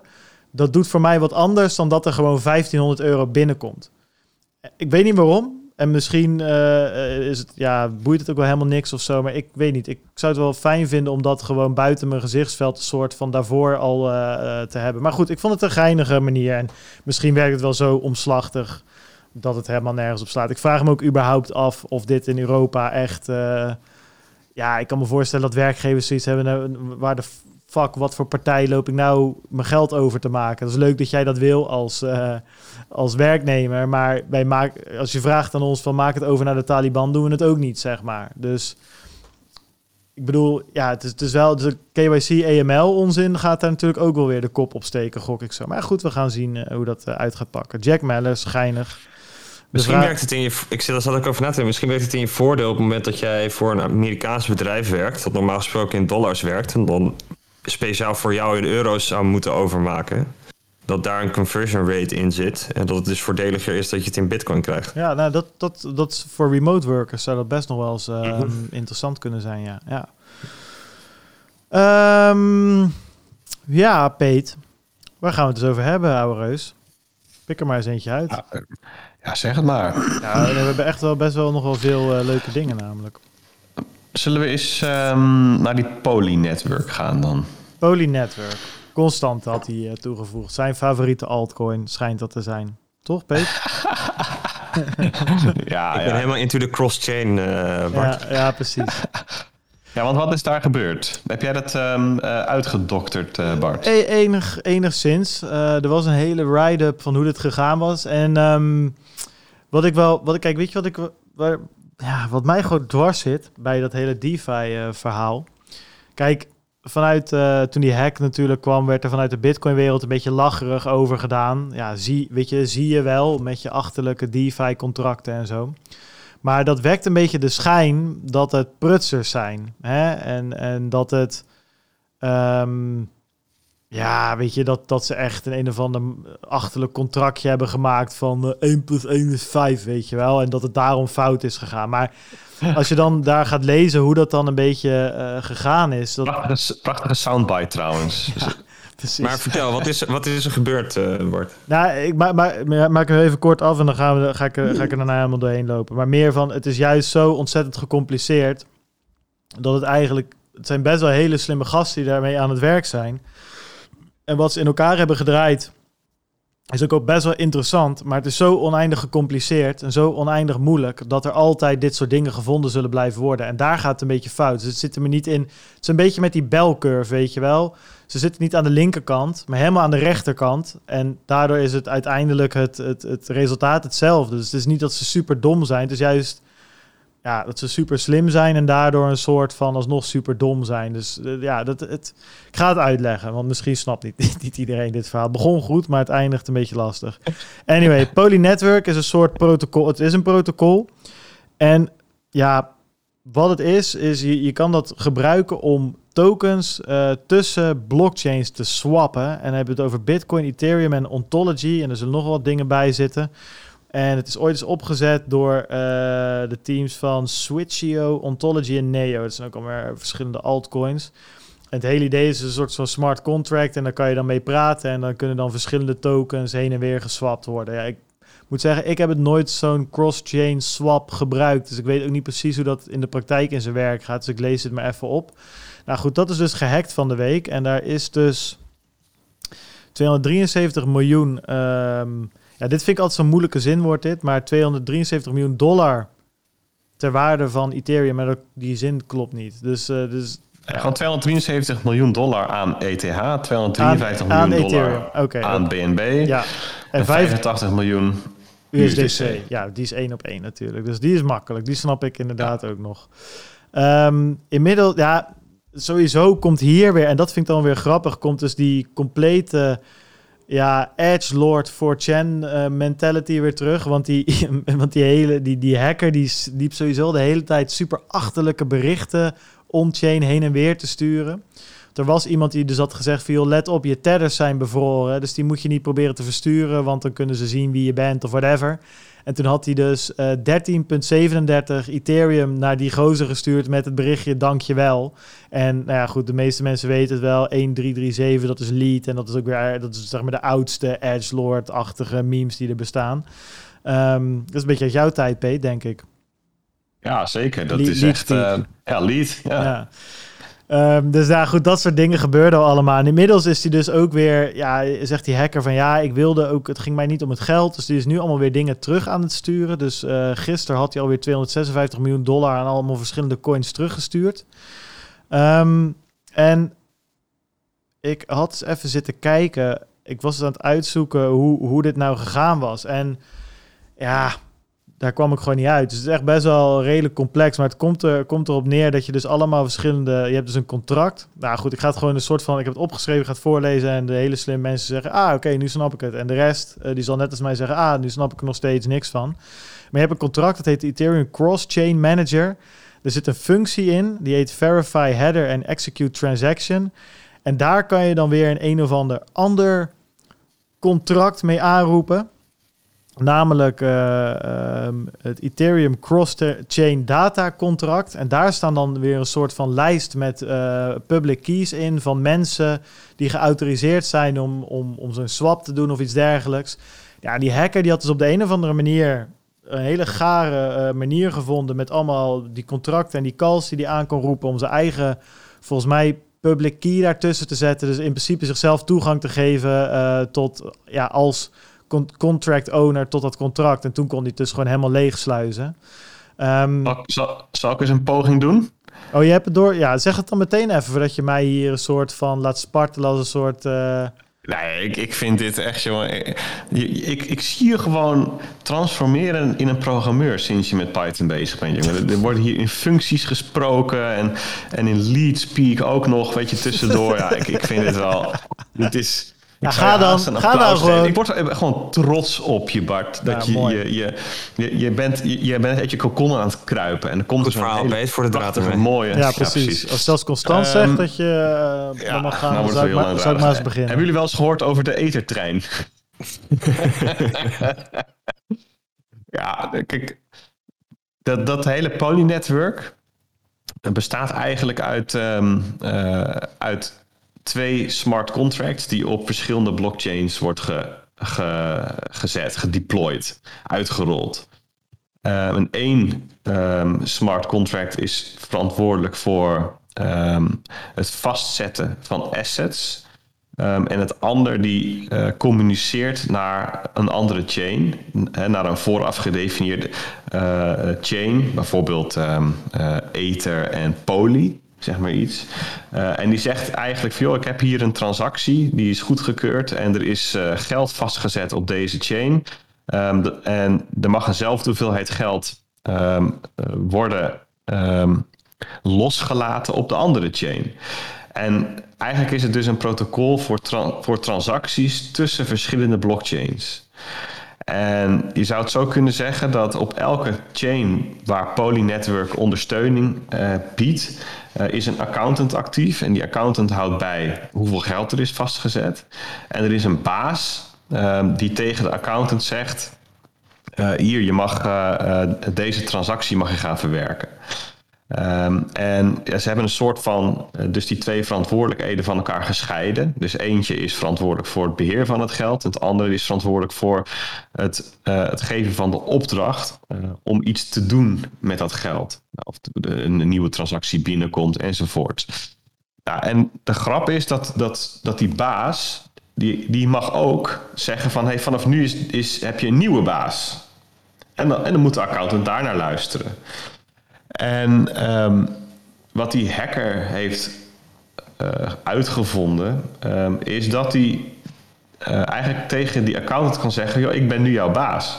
Zo, uh, en, en, en de baas zelf, zeg maar, om de baas heen kan werken. En dat heeft hij gedaan. Dus hij heeft gezegd van op Ethereum heeft hij dat gedaan, op, op Binance Smart Chain heeft hij dat gedaan. En eigenlijk gezegd, joh, ik ben nu je baas. Um, en um, ja, en, en ik geef je de opdracht om assets vrij te laten. En de opdracht was om alle assets vrij te laten. Zonder dat er tegenover dus op een andere blockchain uh, iets van waarde was vastgezet. En, en zo is dat dus gebeurd. Um, en zijn alle Ether en alle BNB's en alle USD-coins... Uh, die ergens vaststonden, waarvan aan de andere kant een accountant zei dat klopt, want ik heb, uh, ik heb hier assets vaststaan ter waarde van dat bedrag. Um, ja, is het gewoon buiten dat hele uh, cirkeltje om, is dat losgelaten. heeft hij naar zichzelf gestuurd. en heeft hij daarna een soort van pleidooi gehouden voor... ja, het was helemaal geen hack en het, ik was eigenlijk maar aan het... Het had je dat, had je dat, had je dat bericht van, die, van dat Polychain team gezien? Van lieve ja, hacker, stuur alsjeblieft hacker. terug. ja, was, was, was echt... Ja, je kan, maar dat is een beetje het ding. Je kan ook niks anders als team zijn. Het is echt, je bent aan de goden overgeleverd. In dit geval de hacker, god. Ja, ja, daar... Hier, hier zit het, dit, dit, is, dit maakt zoveel in mij los, zeg maar. Aan de ene kant heb je dus uh, je hebt dus een, een, een, uh, een product, dus Pony Network, uh, dat op zichzelf best wel simpel is. Dus um, ze hebben geprobeerd om verantwoordelijkheden te scheiden. Dus het opdracht geven voor het, het opslaan en doorgeven van vastgezette waarden, om dat weer los te laten ergens anders. Um, waar kennelijk een gat in zit, eh, waar, kennelijk omheen gewerkt kon worden. En de accountant was direct aan te spreken met de autoriteit van de baas. Um, dat is kennelijk uh, gereviewd door allerlei partijen, maar niet opgevallen. En dus dit levert ook bij mij de vraag op van joh, kun je wel doorgaan met op deze manier ontwikkelen? Dus move fast and break things, dat wordt wel heel duur zo. Dus dat is één vraag dat ik heb. Andere vraag is, is dit een hack of is dit een grote bug bounty? Hoe moeten we dit eigenlijk interpreteren? Um, andere vraag die ik heb, is het dan ook is het gek dat er dan een soort van paniek optreedt en dat er allerlei centrale partijen opgeroepen worden om maatregelen te nemen, terwijl het om decentralized finance gaat? Is, hoe, hoe, hoe moet je dat met elkaar rijmen? Andere vraag die me opkomt is van hoe, wat zijn dit nou eigenlijk voor partijen? Zeg maar, dit, dit, als je dan, want er is ook zo'n uh, site. Ja, dus wat er gebeurt na die hack, is dat de, de hacker, tussen aanhalingstekens, die, die begint te communiceren met allerlei mensen en partijen via uh, de Ethereum blockchain. Er wordt een transactie gedaan en er kan extra data worden toegevoegd. Um, en als je dat um, uh, van binair naar tekst uh, omzet, dan zie je wat zo'n wat zo'n persoon te melden heeft. En dat zijn echt dat je denkt, ja, het lijkt wel alsof er een twaalfjarige bezig is of zo. Je, qua, qua wat daar dan allemaal genoemd wordt. In de show notes kan Bart wel eventjes een, een site uh, toevoegen waar al die berichten op een rij staan. Dus dan zie je eerst zie je honderden mensen die smeken of de hacker ook wat aan hun wil overmaken. Ik ben zo arm en mijn familie dit en dat en, en ik ben ziek en doe mij ook een beetje van de buit. Beetje, zo, beetje het verhaal hoe wij bij de sponsoren langs gaan elk jaar. nou, nou, dan komen wij nog heel professioneel over als je ja. dit... doe wel iets goed, maar... Nee, maar ja, en vervolgens startte dus een, een uh, wat jij zei van, uh, van je moet, je moet uh, niet aan je, aan je tether komen. Dat zit er dan ook tussen. En op een gegeven moment is er een heel verhaal tussen, tussen de hacker en, de, en, en het Polynetwork team en zo. En hij communiceert dan via die transacties om anoniem te blijven, neem ik aan. Maar het is ook gewoon een heel raar verhaal dat dit nou weer terugstort en zo. dit, ja, weet je, maar, maar dat vind ik nog niet eens het belangrijkste. Die vragen, dat lijkt me wel leuk om even op in te gaan. Nou, constant, uh, brand los. Ik ben wel benieuwd hoe jij hier naar kijkt. Um, even kijken, waar, waar begon je, Peet? Wat was de eerste vraag die je stelde? Ja, en is dit überhaupt eerste... een duurzame manier... Ja, dus, eh, dus um, we hebben eh, dat mantra onder, uh, onder agile developers, move fast, break things. En vervolgens kun je ze ook weer snel herstellen. Nou, en, en wat ik nu zie is dus in de decentralized finance wereld, is dat er best wel snel bewogen wordt en dat er ook best regelmatig dingen stuk gaan. En ik had gisteren uh, even een interview met iemand van de Telegraaf, ook hierover. En toen was mijn verhaal, toen raakte ik ook dit stuk even. dus wat je, bij, wat, wat je bij Bitcoin ziet, Bitcoin is simpel, Bitcoin is log. Bitcoin is dom. In feite, het, het, het, is eigenlijk helemaal niet elegant. We zeggen wel vaak van het is heel elegant, maar het is niet per se elegant. Maar daardoor wel. Een hele simpele boerenvrouw kan heel elegant zijn hoor, op een bepaalde manier. Het is, ja, maar het is overzien wat er gebeurt. Weet je, wat ze met decentralized finance doen, en Ethereum überhaupt, je hebt Ethereum, dat is al complexer. Decentralized finance is nog complexer. En met die complexiteit die erin komt, en een stukje ervan is inherent aan wat ze proberen op te lossen, is complexer dan wat Bitcoin oplost. Andere, wat er ook bij zit, is uh, uh, accidental complexity. Dus de, uh, ook gewoon omdat niet per se de, altijd de beste oplossingen gekozen worden voor de problemen die, ze, die er zijn. En door die complexiteit ontstaan er ook weer nieuwe invalshoeken om aangevallen te worden. En dat gegeven, dat, dat dus je hebt, aan de ene kant heb je het gegeven, er zijn veel meer invalshoeken om aangevallen te worden. Aan de andere kant heb je het gegeven dat er vaak een hele horde mensen uh, springt op nieuwe producten in dat wereldje. Dat is dan het hype component. Met als gevolg dat er, dat er binnen de kortste keren tientallen miljoenen waarde vastzit. Um, in uh, applicaties die ja, niet, zeg maar, een soort van alpha software zeg maar in, termen van, van, van productontwikkeling. Uh, en spelen in dit domein spelen er gewoon een aantal dingen die anders zijn dan reguliere softwareontwikkeling. Dus het, het eerste is dat je um, op het moment dat je zo'n smart contract de, de, de chain opgooit, dat is wat het is. Dus we fixen het, zeg maar, als we een bug vinden, dan fixen we het. Dat, dat, in principe kan dat helemaal niet. Dus je, um, en de omweg die ze, uh, die ze daar vaak van voor, voor nemen, zijn dan van die administrator keys uh, uh, erin proppen. Om dan maar wel dus nog een, een update te kunnen uitvoeren op dat, op dat contract. Ehm, waarbij je dan kan afvragen van ja, waar, waar ben je dan mee bezig? Want het hele idee was dat je um, trusted middleman, dus, dus vertrouwde tussenpersonen eruit haalt. dat, dat is het hele idee van, van dat wat je aan het doen bent. Um, en dat, dat ondermijn je op het moment dat je uh, zo'n constructor inzet. Nou goed, daar zou je nog van kunnen zeggen van nou ja, dat is tijdelijk totdat je er, uh, totdat je er bent. Totdat je vertrouwd genoeg bent dat je denkt van nou oké goed, dit, is, uh, dit werkt. Het andere component is dat heel veel software die geschreven wordt, is helemaal niet, is helemaal geen kritieke software. Um, het probleem is dat dat dus in dit geval gaat het over geld of waarde um, van mensen. En is dat het dus wel.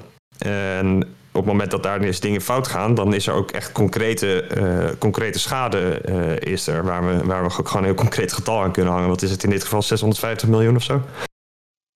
Dus ja, aan, de, aan de, ja. ja. nou ja, dus aan de ene kant is het, uh, is, is het soort van zijn het kritieke systemen en aan de andere kant moet het soort van one shot, one opportunity. Dus het moet in één keer goed zijn, want anders ben je, anders ben je de Sjaak. En dat is iets waar men zich bij Bitcoin heel erg zelf bewust van is. Uh, dat, dat het dus over het geld van mensen gaat. En uh, dat je op het moment dat je dingen dus de wereld inslingert, dat het ook wel echt ook meteen waterdicht moet zijn. Um, want in theorie zou je van alles kunnen doen met Bitcoin, wat nu niet gebeurt, maar dat gebeurt in zekere zin ook gewoon niet, omdat men het onverantwoord vindt om, uh, om, om, het, om, dat, om dat zomaar die, die chain op te gooien. En om een beetje terug te komen waar Bart mee begon, soort van ja, het is, allemaal heel complex en heel slim. Ik denk van ja, het, is denk ik niet een gebrek aan intelligentie, maar misschien een gebrek aan wijsheid. Um, dat, dat hier speelt. Waar inderdaad een beetje de vraag is van ja, die, die, door die complexiteit zie je op een gegeven moment gewoon de, door de. Uh, uh, door, door de regels code de bugs niet meer. Je, en en ze, zijn er, ze zijn er per definitie eigenlijk. Uh, dus dan is het gewoon maar de vraag van... Is het een kwestie van tijd? Is het uh, totdat iemand de moeite neemt om er naar te gaan kijken? En ja, dat kan heel naar uitpakken. En op zichzelf is dat risico niet uitgesloten. Is dat bij Bitcoin dat risico niet uitgesloten?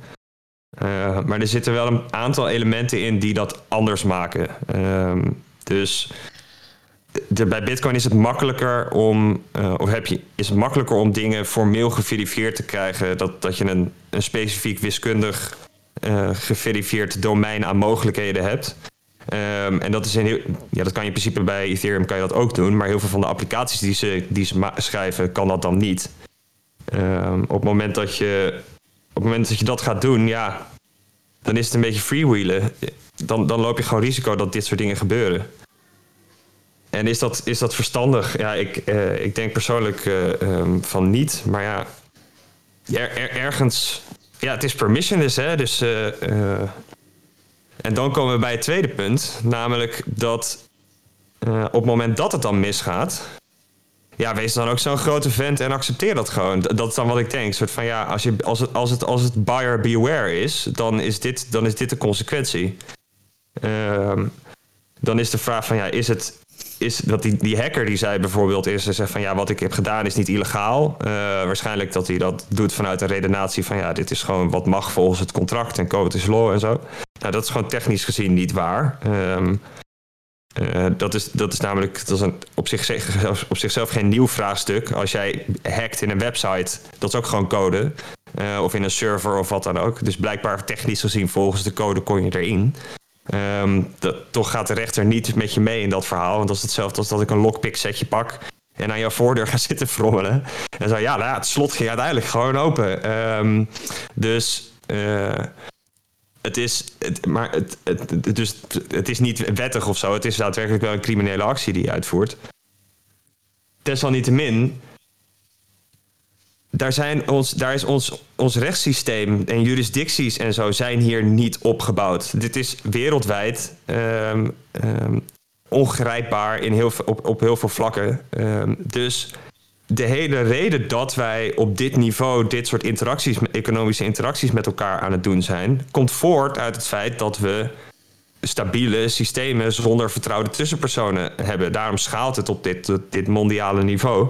Um, en uh, dan is het een beetje, dan is het, een beetje het, het omge omgekeerde verhaal. Op het moment dat je dan weer terug zou willen stappen op zeg van ja, maar dan gaan we naar de rechter. Nee, het hele, idee is dat het niet houdbaar is om te denken dat je de rechter dit soort gaten voor jou kan gaan oplossen. Dat is misschien in dit ene geval uh, uh, wel zo. Uh, maar als het aan de lopende band gebeurt, ja, wie is er verantwoordelijk? Wie is verantwoordelijk? Wie gaat er überhaupt aangifte doen? Uh, tegen wie, in welk land, met welke rechter en hoe ga je dat, hoe ga je dat handhaven. Dus dat zijn allemaal, het, het is niet een theoretisch, het zijn allemaal praktische bezwaren, waardoor je um, het op een soort van geautomatiseerde, deterministische, uh, zonder vertrouwde tussenpersoon blockchain-netwerk dit soort dingen doet. Um, dus die, die reactie die, die vertelt ook heel erg veel. Het is een beetje een soort van spek en bonen uh, uh, houding die, je, die, die, je krijgt. Een soort van. Um, als, als je kinderen ziet spelen, een soort van let nou op, straks wordt het huilen. Weet je wel? Ja, nou ja, goed, dan is het. En, en nu is het huilen. Uh, en dan rennen ja. ze wel met, met tranen in hun oogjes naar, naar, naar mama toe. omdat, omdat er anders stom was. Dan denk ik van ja, uh, zo werkt het ook niet natuurlijk. Je mag het proberen en het, het blijft illegaal. En, uh, maar ja, ja. heel stoer is het niet in ieder geval. Ik, ik, ik denk toch dat het allergrootste issue is hiermee... is dat het zich, uh, dat het zich allemaal bevindt in een, in een onwijs speculatief speelveld. dus dus er, er wordt eigenlijk van de ene bug naar de andere toe ontwikkeld en en um, met iedere bug gaan er uh, potentieel miljoenen dollars aan waarde uh, naar één partij toe. Die, die gaan gewoon verloren, min of meer. En het, het nare is dat het hoeft niet op deze manier per se. Je hoeft niet um, snel te bewegen. En zeg maar dat het move fast and break things is eerder een gevolg van allerlei partijen die er snel bij willen zijn. Want er is nu een golf van, van aandacht en hype. Uh, rondom decentralized finance. En mensen proberen dan nieuwe features of nieuwe patronen, nieuwe protocollen zo snel mogelijk live te krijgen. Uh, zodat ze zeker weten dat, dat die aandacht die er nu nog is ook hun project raakt. En dat is een, een denk ik het grootste manco nu. want je zou best kunnen zeggen. Um, protocol upgrades die zijn helemaal niet uh, exclusief aan decentralized finance of zo. Bij Bitcoin gebeurt het, bij Ethereum gebeurt het en dat, daar kunnen best jaren overheen gaan. Dat kan best goed getest zijn. Dat kan best battle-tested zijn voordat het op het uh, mainnet uitgerold wordt, bijvoorbeeld. Weet je, alleen het belang van de partijen die hiermee bezig zijn aan alle kanten, dus zowel voor de ontwikkelaar als voor de speculant, is dat dingen snel online komen. Want dan, ja, dan kan je geld verdienen. Dat, dat is eigenlijk het probleem. Dus, dus de, uh, het, hele. Het hele wereldje van wat we nu zien, dus dat je van bug naar bug toe opereert. En wat we weten nu, ja, nu 600 miljoen, over een maand is het weer wat anders. Uh, ja, dat is toch ook mensen gaan een beetje ten onder aan hun eigen uh, hebberigheid en succes. Terwijl op zichzelf vind ik het heel interessant wat er allemaal bedacht wordt. Uh, en wat er ontwikkeld wordt, wat er, wat er getest wordt. Het is wel onderdeel van een beweging waar ik op zichzelf best wel ja, achter sta, wil ik niet zeggen. Ik weet niet of ik er achter sta, maar wat ik wel heel tof vind, wat aan de gang is: het decentraliseren van hele eh, verticals eigenlijk tot aan de bedrijven. En sommige dingen kunnen nog niet gedecentraliseerd worden. Ik, ik hoorde, ik, uh, ik vond het gesprek tussen Pieter McCormack en Erik Voorhees van, van deze week best wel interessant. Ook, ook dat zou je echt eens moeten luisteren. Erik Voorhees uh, is, is de man achter Shapeshift. En volgens mij zat hij daarvoor nog, ja, ergens in 2011, achter zo'n Bitcoin-gokspelletje. Satoshi Dice. Satoshi Dice, ja. En inderdaad later Shapeshift. Een, eh, een, een soort van hele... Dat in het begin was dat een soort van hele makkelijke uh, exchange manier. Dus je, je kon gewoon ja, je bitcoin ja. sturen en je kreeg ether terug. Precies, en dat, leek eigenlijk al, uh, dat leek eigenlijk heel erg op hoe Uniswap werkt. Alleen, uh, zij waren daar een stuk eerder mee en, die kwamen op een gegeven moment voor de vraag van ja, uh, wat gaan we doen? Gaan we onze token opheffen of gaan we gewoon KYC introduceren? Want hij lag onder het vergrootglas van toezichthouders. Heeft dat gedaan en is nu bezig om dat bedrijf op te heffen. En dus alles te decentraliseren tot aan de iOS-apps in de App Store aan toe. Nou, dat laatste dat kan helemaal nog niet, want je kunt niet vanuit een DAO een iOS-app in een App Store zetten. Maar dit is super interessant. En dus dat je over de hele linie een heel domein kunt decentraliseren. En daar is dit onderdeel van. Dus het, het, dat we van de ene bug naar de andere, van de ene hack naar de andere gaan, is onderdeel van het voor elkaar krijgen van wat ook een Erik Voorhees op een heel serieuze manier probeert te doen. Maar het is. Ja, het is. Maar dat is een beetje een discussie op een ander niveau. Vraag ik me soms heel erg af, soort van ja, is, is het niet gewoon een soort van tolhof met een uh, met waar, waar überhaupt geen uitgang in zit? Uh, maar wat ik zeg, dat is een beetje, dat is een beetje discussie op een, op een ander niveau daar, daarboven nog. Van heeft het überhaupt wel zin? Heel veel dingen waar, waar die mensen mee bezig zijn. Maar om een beetje nog terug te schakelen naar, naar, naar de programmeerproblematiek en de complexiteit. Uh, ervan uitgaande dat er misschien dat er, dat er een uitgang in dit, in dit doolhof is. En daar uh, uh, uiteindelijk het geautomatiseerde smart contract paradijs. Er spelen twee dingen. We hebben nu in het pro met programmeren is er een soort van fundamenteel probleem. Namelijk dat er, volgens mij is er een, een, een verdubbeling van het aantal programmeurs iedere vijf jaar. Um, dat is een beetje de trend. Dat is eigen, eigen Moore's Law, alleen dan in, in, in, in programmeurs. Ik doe mijn best um, in ieder geval. en het grote probleem wat daar eigenlijk bij zit, is dat als jouw aanwas van programmeurs, zeg maar, als de hoeveelheid programmeurs verdubbelt iedere vijf jaar, wie gaat die mensen opleiden? En um, dat betekent dus dat heel veel ervaring niet wordt overgedragen. Dus de, de ervaring van de, de, uh, de fouten die, die men maakt bij het programmeren, die worden eigenlijk continu keer op keer herhaald. Want er, er is geen overzicht om dat eruit te filteren. Omdat gewoon de, de aanwas van nieuwe mensen die, die zich ermee gaan bemoeien, uh, daarvoor te groot is. En dat maakt het dus ook heel lastig. Kijk, uiteindelijk zal het een beetje. Op het moment is de hele wereld. Uh, op, op een gegeven moment is de hele wereld programmeur, weet je wel. Dan, dan wordt het wat makkelijker om, uh, om dat soort ervaring over te gaan dragen. En, en best practices en dat soort dingen. Maar. Nou, weet ik niet. Ik vind het, wel, vind het wel een goed punt. Want dit is niet dit is niet alleen een probleem in, in dit wereldje of in deze context. Je hebt bijvoorbeeld ook gewoon simpelweg uh, discussies en vraagstukken die, die ieder jaar weer terugkomen, maar dan net met een ander setje mensen.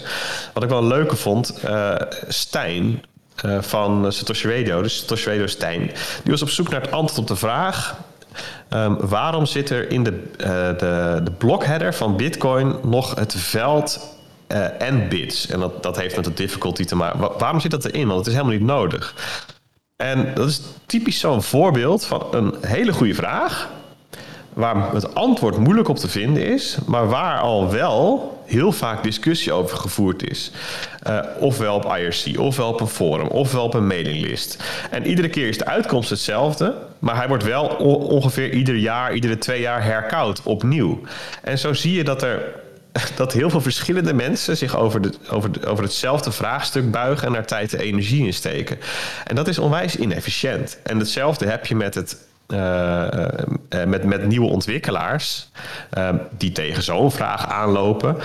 of um, vraagstukken voor de kiezer krijgen die al opgelost zijn, maar niet op zo'n manier gedocumenteerd zijn of overgedragen kunnen worden, zoals dat wel kan in een, in een, uh, ja, in een organisatie, dus in een meer gecentraliseerde setting.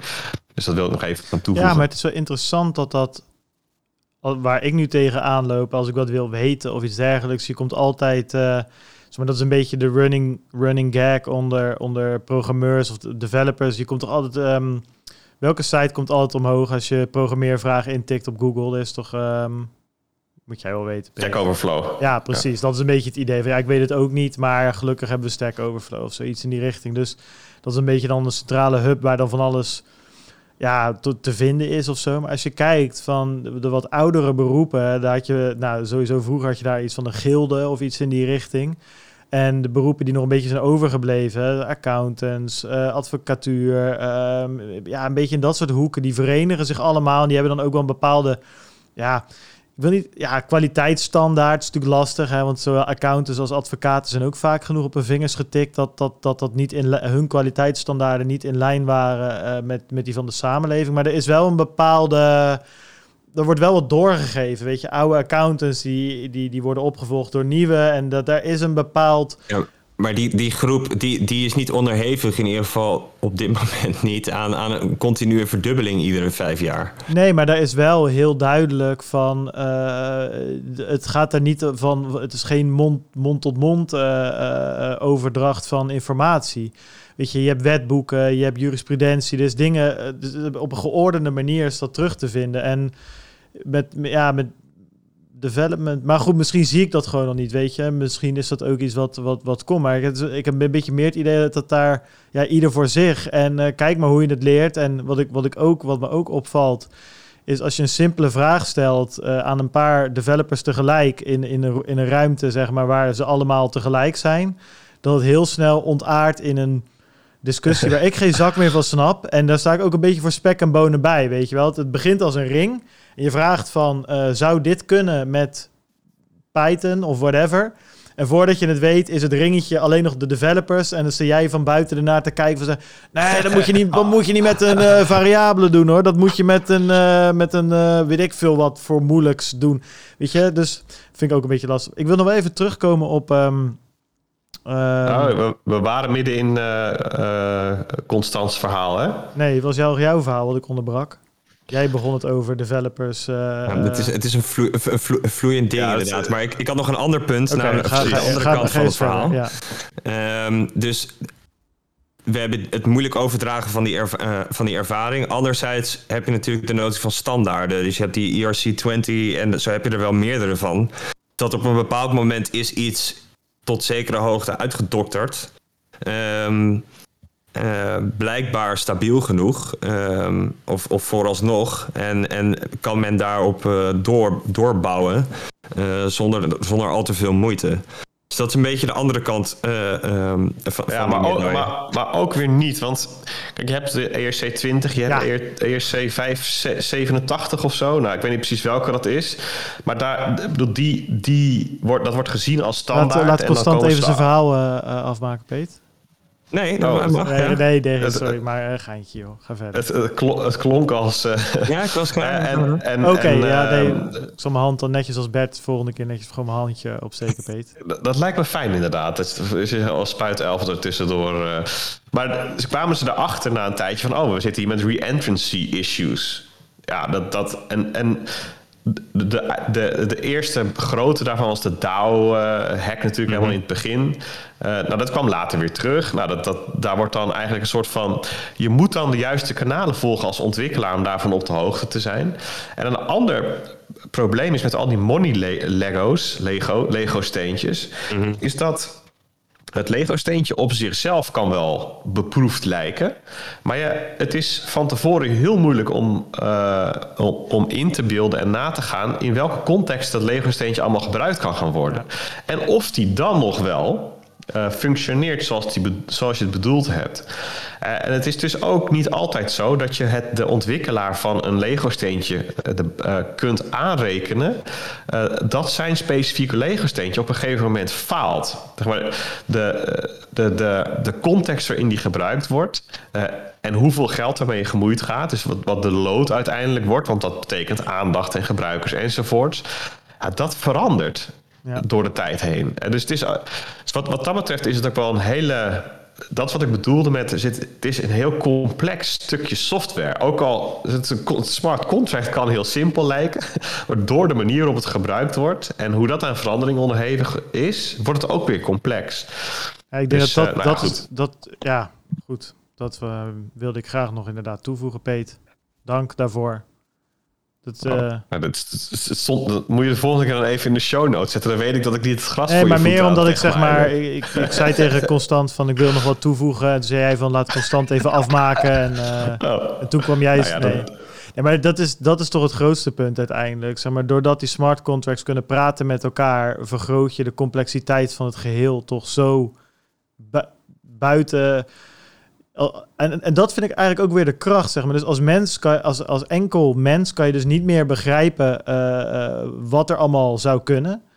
Maar omdat er zoveel geld mee gemoeid is, gaan er heel veel andere mensen wel weer naar kijken. En ook op andere manieren naar kijken. En vinden daar wel weer hele, bijvoorbeeld deze hack, maar ook een tijdje terug die andere hack die in één smart contract transactie, zeg maar, allemaal pools leegtrok, waardoor de API van een een of andere prijs uh, naar nul ging, waardoor een andere pool helemaal over zijn gier ging en een veel te ge...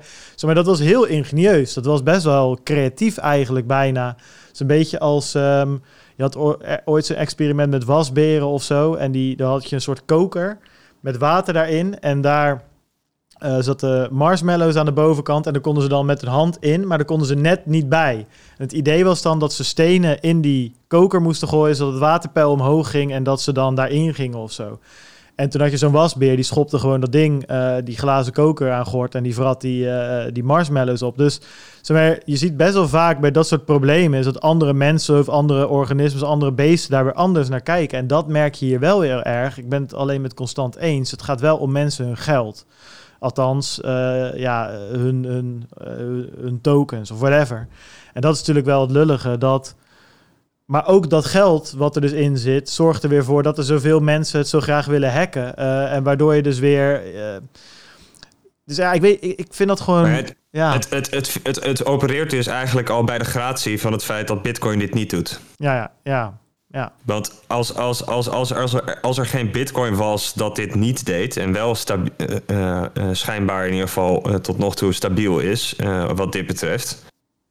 dan, dan is de ruimte er niet om, om dit degenerate feestje met je, met je YOLO-geld te gaan doen. Dus ja, dat, dat is ook nog een element. Ja, ik, ik, vind het, ik vind het heel lastig. Ik denk dat als je gezien, gezien het zo aan één specifieke kant zit. Namelijk, je kan, je kan er niks meer aanpassen op het moment dat, het, dat je het gepubliceerd hebt. En het, en het zijn kritieke systemen omdat het over waarde gaat. Ehm, dat, dat eigenlijk het, het ethos, wat, ehm, wat juist heel erg aan die andere kant zit van, van heel flexibel en agile zijn, wat dit, wat dit absoluut niet is. Ehm, eh, ja, dat, dat, dat, dat levert frictie op. Uh, en ik weet, weet eigenlijk, ik ben een beetje sceptisch in hoe vruchtbaar dat dan daadwerkelijk is. Omdat je. een, hoe hou je vraag jezelf is, voor de gek? Een vraag is of hier verantwoordelijkheid ligt voor het platform waarop je dit soort dingen kan publiceren. Kijk, we hebben natuurlijk. Ja, Ethereum um, toch hebben we het toch over, maar dat is een ja, er zijn, er platform. zijn, er zijn onder ontwikkelaars natuurlijk uh, en productontwikkelingsbedrijven allerlei manieren zeg maar, om dit uh, om te helpen bij het voorkomen van dit soort uh, onverwachte uh, issues.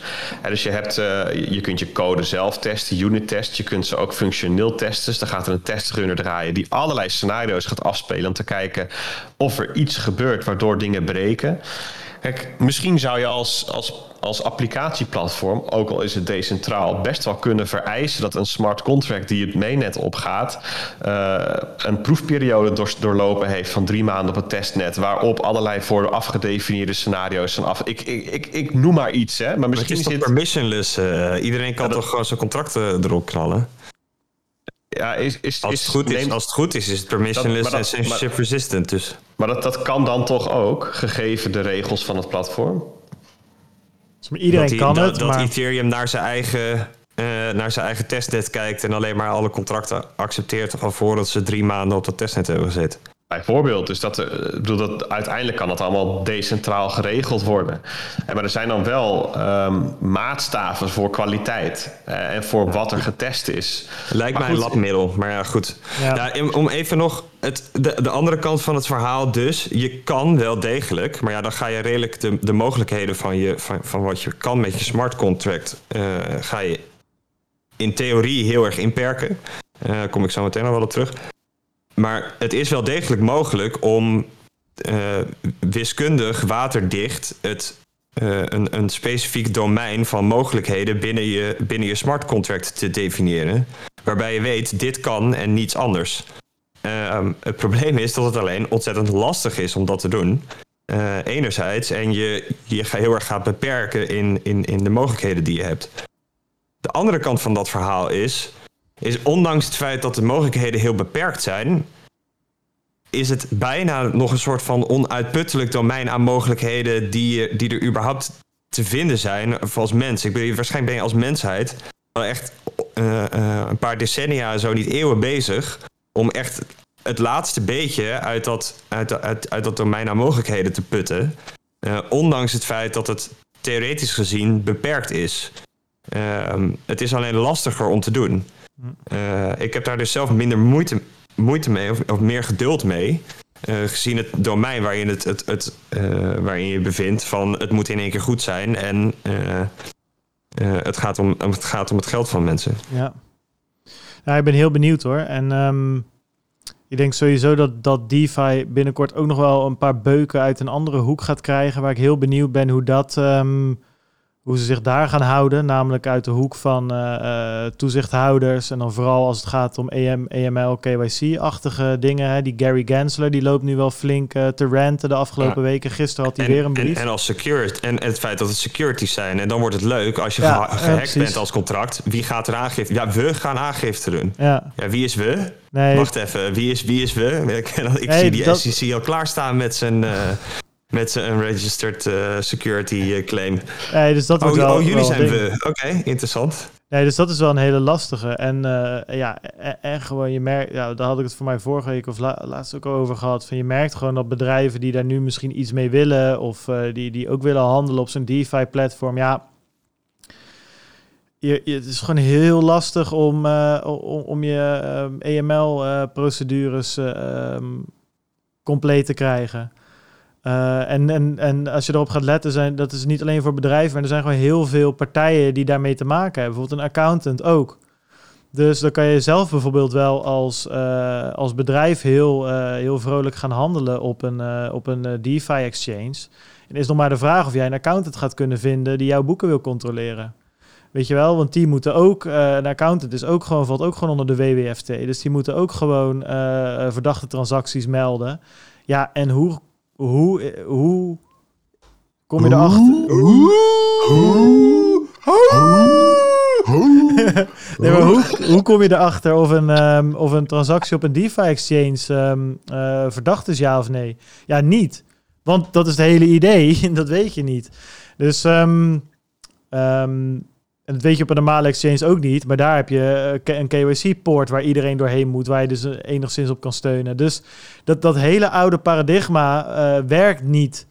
Um, werkt gewoon, werkt gewoon niet voor DeFi. En ook niet voor Lightning trouwens, om maar zo te noemen. Maar die staan wat verder achter in de rij op dit moment. En DeFi staat nu al vol in die, in, in die spotlight. Dus dat is een ander ding waarvan ik denk, nou, ik ben wel heel benieuwd hoe dat zich de komende tijd uit gaat spelen. Dus zo zie je, ze zijn nu ja, van verschillende kanten, ze liggen ze wel onder vuur. En ja, goed, ik vind het ook... maar goed trouwens. Misschien ook... moeten, moeten we DeFi heel erg dankbaar zijn voor het feit dat ze... Uh, de spotlights nemen, ja. ja. Spotlights ja, op zichzelf wel. vestigen. En dat, dat Lightning ondertussen gewoon... Uh, ja, maar ik vind het... Ik vind het geworden. Dat het een voldongen feit is. Een soort van, oh, oh fuck. Ja, het is wat wel heel interessant. Want, kijk, ik probeer... Ja, ik, ik sta van mezelf dan altijd wat sceptisch in dingen. En dat is ook niet altijd de juiste houding, weet je wel. Ik bedoel, ja, uh, dan sta je altijd aan de zijlijn te zeiken. En ondertussen weet je wel, uh, zie je de een na de ander met zijn gekke idee succesvol, uh, succesvol worden.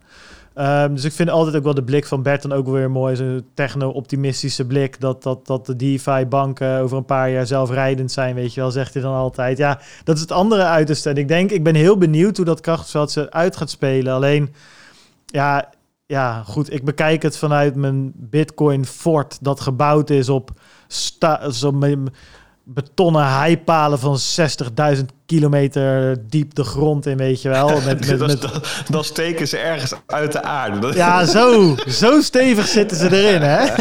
Nee, maar dat, ja, dat, dat is wel een beetje... Um, maar ja, goed, ik wil ook niet die... Wat ik zeg, het is, het is geen complete onzin. Alleen ik denk dat de incentives, zoals Peter aan het begin aangaf, wel, dat is wel een hele rake opmerking, denk ik. Dat ja, de, de incentives dwingen of pushen die partijen allemaal om zo snel mogelijk live te gaan. Want ja, weet je, uh, ga nu de markt op en dan staat wel weer een of andere VC klaar met, met een paar miljoen. En als dat niet lukt, dan doe je gewoon een, een ICO of whatever. En dan haal je daar nog bergen geld op. Dus uh, nou ja, goed. We gaan in de kleine, gaten. Uh, kleine side note nog, want om, om wel een beetje ehm, dat idee van die, die betonnen heipalen en granieten fundering en, en, en dat soort zaken een deel van waarom de ontwikkeling bij Bitcoin ook zo traag gaat en, en zo moeilijk is, is ook gewoon omdat het ergens een soort van rotzooi is. Um, uh, waar mensen maar mee moeten dealen. Omdat het bug voor bug compliant moet zijn. er allemaal rare, rare dingen in zitten. een soort van die, die implementatie een soort van spaghetti code die ze, die ze met heel veel moeite nu uit elkaar aan het, aan het vissen zijn. Um, dus dat, dat even een beetje nog te, de betrekkelijkheid ervan eh, ten aanzien van Bitcoin. Maar um, voor de rest nog steeds uh, betonnen heipalen. Maar ze nee, zijn, dat is een goede... zit, er, ergens zit er wel een knik in. Dat is een beetje. Hey Bart, uh, beetje, voor we naar... beetje als een kasteel misschien. Weet je wel, wel ouderwets en misschien niet helemaal up to uh, een beetje raar op sommige plekken, maar goed, het staat nog wel en het kan en wel allemaal hebben. dingen tegenaan gemetseld Ja, zijn, precies. maar op zich wel solide. Ja, Waar wel inmiddels ADSL is. ja, Peet. Maar mag ik een uh, bruggetje slaan, even? En, en voordat ik dat doe, nog even een... eh, Ja, een ophaalbruggetje. wil ik nog eventjes een bron noemen. Dat voorbeeld van de baas en de accountant, dat komt van ehm, eh, Blockchain Gandalf. Ik weet niet of je die kent. Dat is toevallig Nee, maar ik had een, wel eh, verwacht dat, dat je dat... Zo, dat was zo'n goed verhaal dat... eh, Iemand met, nou dat viel tegen, want ik, ik heb het idee dat het, de, het, zeg maar het originele verhaal is makkelijker te volgen, denk ik. Maar dat komt van Keir Finlo Bates. Dat is toevallig ook iemand die met Nederlandse nou, roots, weet ik niet, maar hij spreekt ook Nederlands. En die maakt best wel geinige video's, vind ik. Hij weet het best wel goed uit te leggen. Dus daar moet je eens naar kijken. Op, op YouTube, Bitcoin, op de nee. Blockchain Gandalf. Blockchain Gandalf. Ehm, en dan wil ik graag even een bruggetje maken naar de, eh, nu we het toch over Ethereum en Bitcoin hebben, eh, naar de London Hard Fork. Die is nu een week live. Ehm, en daar is nu 32.000 ether geburnt. Dat, dat, was die, de grootste verandering was in de fee-structuur. En, en nu worden er dus base fees geburnt. En dat, nou, dat telt aardig op. 32.000 ether. Um, wat mij ook opviel was dat op Coinbase er meer Ethereum verhandeld is in het tweede kwartaal dan Bitcoin. Daar, dat is, ja, daar ze, je zou kunnen zeggen, op Coinbase heeft de flippening plaatsgevonden. Um, en eigenlijk waar ik naartoe wilde met de brug was um, iets wat ik constant even voor zijn voeten wil gooien. Um, ik heb een audiofragmentje en daarin is Justin Drake. Volgens mij is dat degene die ooit dat ultrasound money uh, fenomeen de wereld in heeft geholpen. Um, die legt uit waarom hij vindt dat Ethereum de uitwerking is van, van Satoshi's vision. En ik dacht, laten we dat eens luisteren. En dan gewoon eens even om uh, uh, Constans eerste reactie vragen. Oké, okay, komt. I feel, you know, very uh, connected to, to, to Bitcoin in, from a, you know, cultural, uh, not cultural, but from a philosophical standpoint, right? What, what Satoshi was, was able to, to do was a real breakthrough for, for humanity. And we've seen over the, the period of 13 years, all the innovation that's come out of it. And I, the way that I see it is basically Ethereum is the accomplishment of Satoshi's vision. It, it, it is Bitcoin. Ethereum is Bitcoin in that sense what aspect of Satoshi's vision is Ethereum? Like when you say that Ethereum is Satoshi's vision, what do you mean? Part of the, the vision of, of Satoshi was to provide uh, a, a, decentralized uh, trust layer for, for, for the internet. So one, one of the things that uh, Satoshi um, tried to do in the very early days, and you, you have commits in the repo, is he tried to build a peer-to-peer marketplace that built on top of this uh, money layer. So the natural pro- um, progression of decentralized infrastructure is to start with money and then to start building b- building blocks that use this money. And you could have, for example, marketplaces, and you can have escrow contracts, um, and you can have stable coins, and you can have you know reputation, and you can have uh, identity like the Ethereum name system, um, and you can have insurance. And once you have all these building blocks come together, um, you you basically have the substrate for uh, the internet of, of value. Um, and I think this is the true Satoshi vision, and this is what Ethereum is is delivering.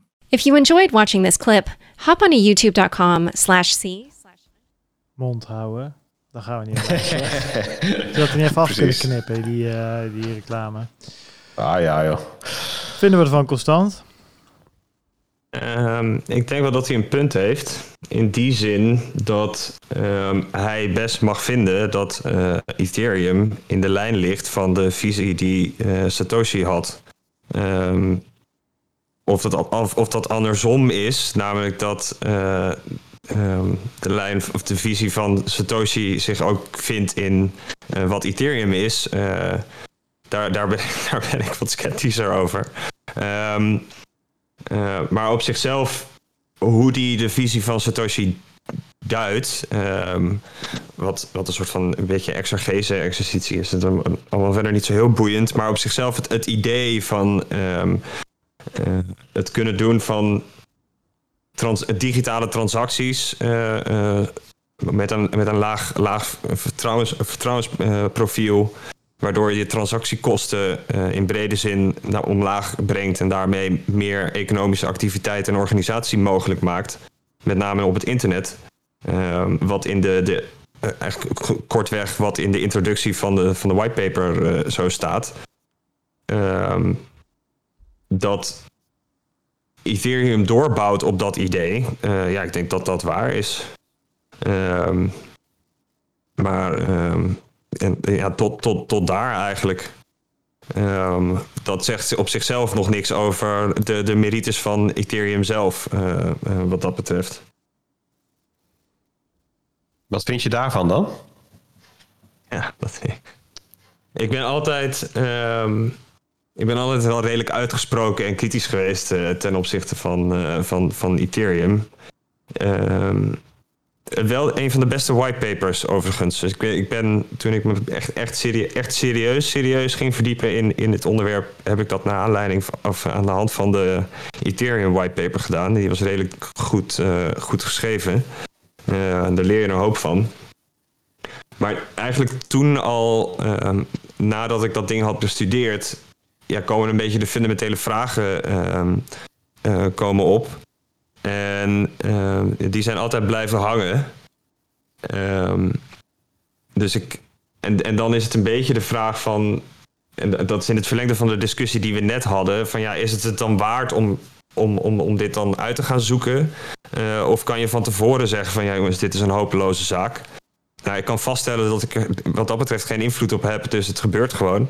En um, uh, ervan uitgaande dat, uh, uh, dat, dat ik gelijk heb of uh, dat, dat, dat het een soort van doodlopende weg is. Misschien is het dan maar goed ook dat we, um, dat, we, dat, we, dat we dat gedaan hebben en tot die conclusie komen dat het een, slecht idee was.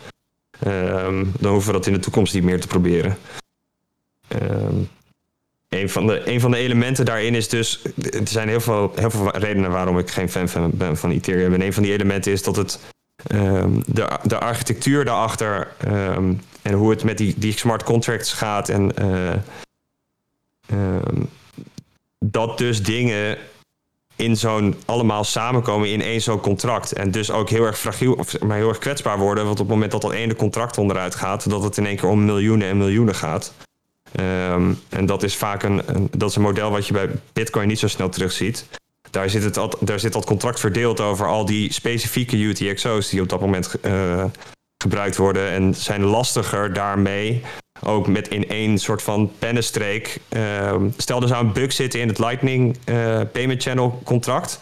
Dan is het niet alsof je een soort met één pennenstreek soort van al die kanalen in één keer onderuit kan trappen.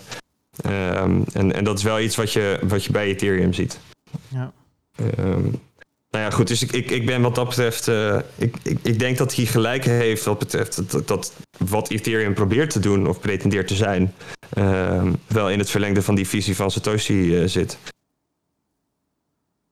Interessant. Hey, en een, ik las een tweet van um, Grubbles. Die zei: The Ethereum Grubbles? Foundation is. Wie is dat dan? Grumels? Nee, Grubbles. Grubbles. Maar wie is dat dan? Oh, ja, ik- je ik- zegt ik- het alsof het een... eh, Ik, ik zie je lachen alsof je een grapje wilde maken. Nee, ik ja, nee, niet, maar op, Ja, briljante grap. Nee, maar je Ja, zegt van, ik gewoon las een tweet eh, van Smurk Smurk. Ja, dan wil ik toch wel weten wie dat dan is. Die moet eventjes naar Twitter, at notgrubbles. Ja, dat is gewoon een, een bitcoiner.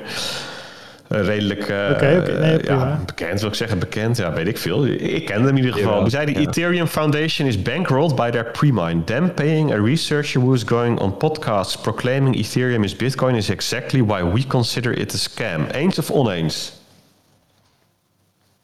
Um, nog één keer. The Ethereum Foundation is bankrolled by their pre-mine. Them paying a researcher who is going on podcast proclaiming Ethereum is Bitcoin is exactly why we consider it a scam. Ja, ik snap wel waar die vandaan komt. Wat jij, Bart? Het is in ieder geval hondsbrutaal, laat ik het zo zeggen. Ja, maar ja. Kijk, weet je wat is? Ik, het boeit me gewoon niet zoveel. Want als je dan ook weer... Ach, ja, je kan twee kanten een beetje op. Als je aan de ene kant, zeg maar, een soort van... he- helemaal die... die, die dat Bitcoin-gevoel eh, in, in, ja, helemaal uitdraagt, dan zou je ook moeten zeggen van ja, weet je, iedereen is vrij om te doen wat hij wil. Dus ga er lekker zitten, claim dat je Satoshi bent.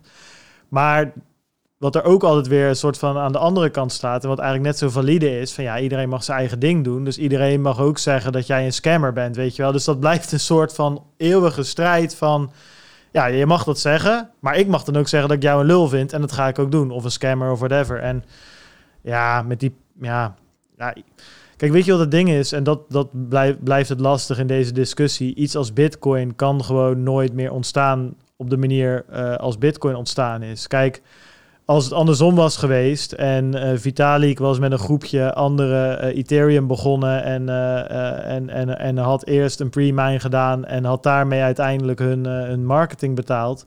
En Satoshi was zes jaar later gekomen met zijn, met zijn Bitcoin ja, dan waren er waarschijnlijk aan het begin ook meer mensen gaan minen, weet je. Dus het is een beetje een lastige. Alleen het, het ding wat in Satoshi zijn voordeel spreekt, ehm, ja, is dat hij nooit aan die, aan dat aan die pre-mine, eh, zoals je het zou kunnen noemen, ehm, dat is ook wel de mening natuurlijk over verdeeld, is hij nooit aangekomen. Dus dat staat al jaren vast. Dus daar wordt geen marketing van betaald. Dus ja, ja goed. Ik, ehm, Ik snap het, ja. Dit tweetje kwam ik tegen omdat Jack, dus de Twitter Jack, zeg maar, Jack Dorsey, die, eh, eh, die had er een screenshotje van geplaatst. Dus die, die, die, die plaatste een heel, het compleet irrelevante tweet over hoe hij zijn lijsten beheert en zo. dan zie je daar 30 bitcoin lijsten boven staan. dus met, met alleen deze tweet in die screenshot. Dus daar Maar het ging om die lijsten. wereldje ging, ging er helemaal... Nee, nee, nee. Het, ja, die, die, die tweet zal ik laten zien. Maar het, het, het ging om dat screenshotje van die specifieke tweet... waar de bitcoins natuurlijk los op gingen van... ja, die tweet in het screenshotje en, en die... eh, en, eh, dat is die tweet van Grubbles. Ja, Ehm, maar om met toe mensen te die erop reageren. Total coincidence, I'm sure. Waarop Jack zegt, there are no coincidences. Waarbij hij eigenlijk aangeeft van... ik ben het eens met wat Grubbles zegt. Dus vandaar dat ik even hier ook de, de, de pijlstok uitwerp. Ja, wat ik wel grappig vond aan, die, aan dat screenshot van Jack is inderdaad die tweet die je ziet, maar dus ook die groepen waar hij het over heeft, die zie je ook aan de bovenkant van het screenshot. En een van de groepen die hij dus blijkbaar volgt, zijn de Bitcoin Core devs. Dat is het eerste groep die er Oh, staat zo ja. ongeveer. En dus het is wel mooi dat dat screenshot dat inderdaad gaat van ik sorteer mijn groep op deze manier, zit voor de rest aan alle kanten gevuld met Bitcoin, zeg maar. Dus Ja. en daar denk ik, dat wilde ik, daar wilde ik nog even op inhaken. Ik denk wel eens, ja, dat is ook niet echt meer een hot take of zo hoor, helemaal niet. Maar ik denk echt dat dat, dat, dat Twitter en Lightning, dat, dat kan wel eens echt, zeg maar, echt de kickstart van het netwerk worden. Want het is gewoon voor elkaar gemaakt op een bepaalde manier. Het zijn allemaal korte berichtjes waar, waar het leuk zou zijn. Ze zijn al jaren bezig van, ja, hoe monetize je dat nu? Hè? En, en ze hebben nu allemaal manieren naar goed advertenties en nieuwsbrieven versturen via Twitter en ehm, van die clubhouse-achtige sessies waar je kaartjes voor kan verkopen. Maar het model is natuurlijk, als jij een vette tweet ziet, dat je je kan instellen van als ik iets like, krijg jij een sat of 10 sat of 100 sats of whatever, weet je. Dat je de Ja. mini, mini transactie. Dat, dat, daar is dit gewoon voor gemaakt. En aan de andere kant zou het super tof zijn, omdat het natuurlijk, ja, nu met Lightning, de toepassingen, dan heb je allemaal games en platformen, maar dat zijn platformen met ja, een paar duizend mensen erop, of een, game die een paar duizend mensen. Dit zou natuurlijk gewoon, ja, een, een, een, een, een ehm, en, eh, hoe noem je dat? Anime crossover zijn, eh, top 10, weet je? Hoe, hoe, ga- hoe gaat die meme? Dit zou gewoon, dit is een van de eh, sociale netwerks, netwerken die dat dan eh, zou implementeren. En ja, als je ziet hoe eh, Orange speelt die gozer is, ja, dan, dan kan dat toch niet meer eh, heel lang gaan duren. Ik bedoel, volgens mij is het gewoon een, een kwestie van doordat compliance en bureaucratische eh, monster heen ploeteren wat hij zelf geschapen heeft, wat Twitter inmiddels is, en, en uiteindelijk gewoon implementeren die handel. Ja, mijn vermoeden is dus dat het niet in Twitter gaat komen, maar in dat decentrale protocol waar die aan werkt. Ah joh, dat zou, dat zou toch wel, ook wel triest zijn hoor. Kom op hé. Ja, ja ik, ik, ik heb het. Ik krijg de indruk dat het, eh, dat het compliance verhaal eh, zodanig lastig is. eh, dat dat ook een reden is waarom hij daaraan begonnen is. Ja. Hetzelfde geldt voor Stripe. Strike. Dus dat is ook nog niet in de EU. En ehm, Jack Mallers die heeft ook aangegeven dat dat komt. Omdat het gewoon lastig is om compliance-wise het uitgerold te krijgen in de EU. En, da- en dan heb je het nog over een redelijk centraal product natuurlijk. Weet je, dat, Nee, Ja, dus, is ook zo. ehm, Is ook waar. eh, dat, dat, dat- ik ben het helemaal met je eens. Hè. Het zou een super toffe toepassing zijn. Maar het zou mij dus niks verbazen dat Twitter overgeslagen wordt. En dat het nieuwe wat nog onthuld moet worden, dat het daarin een soort van first class citizen is. Ja.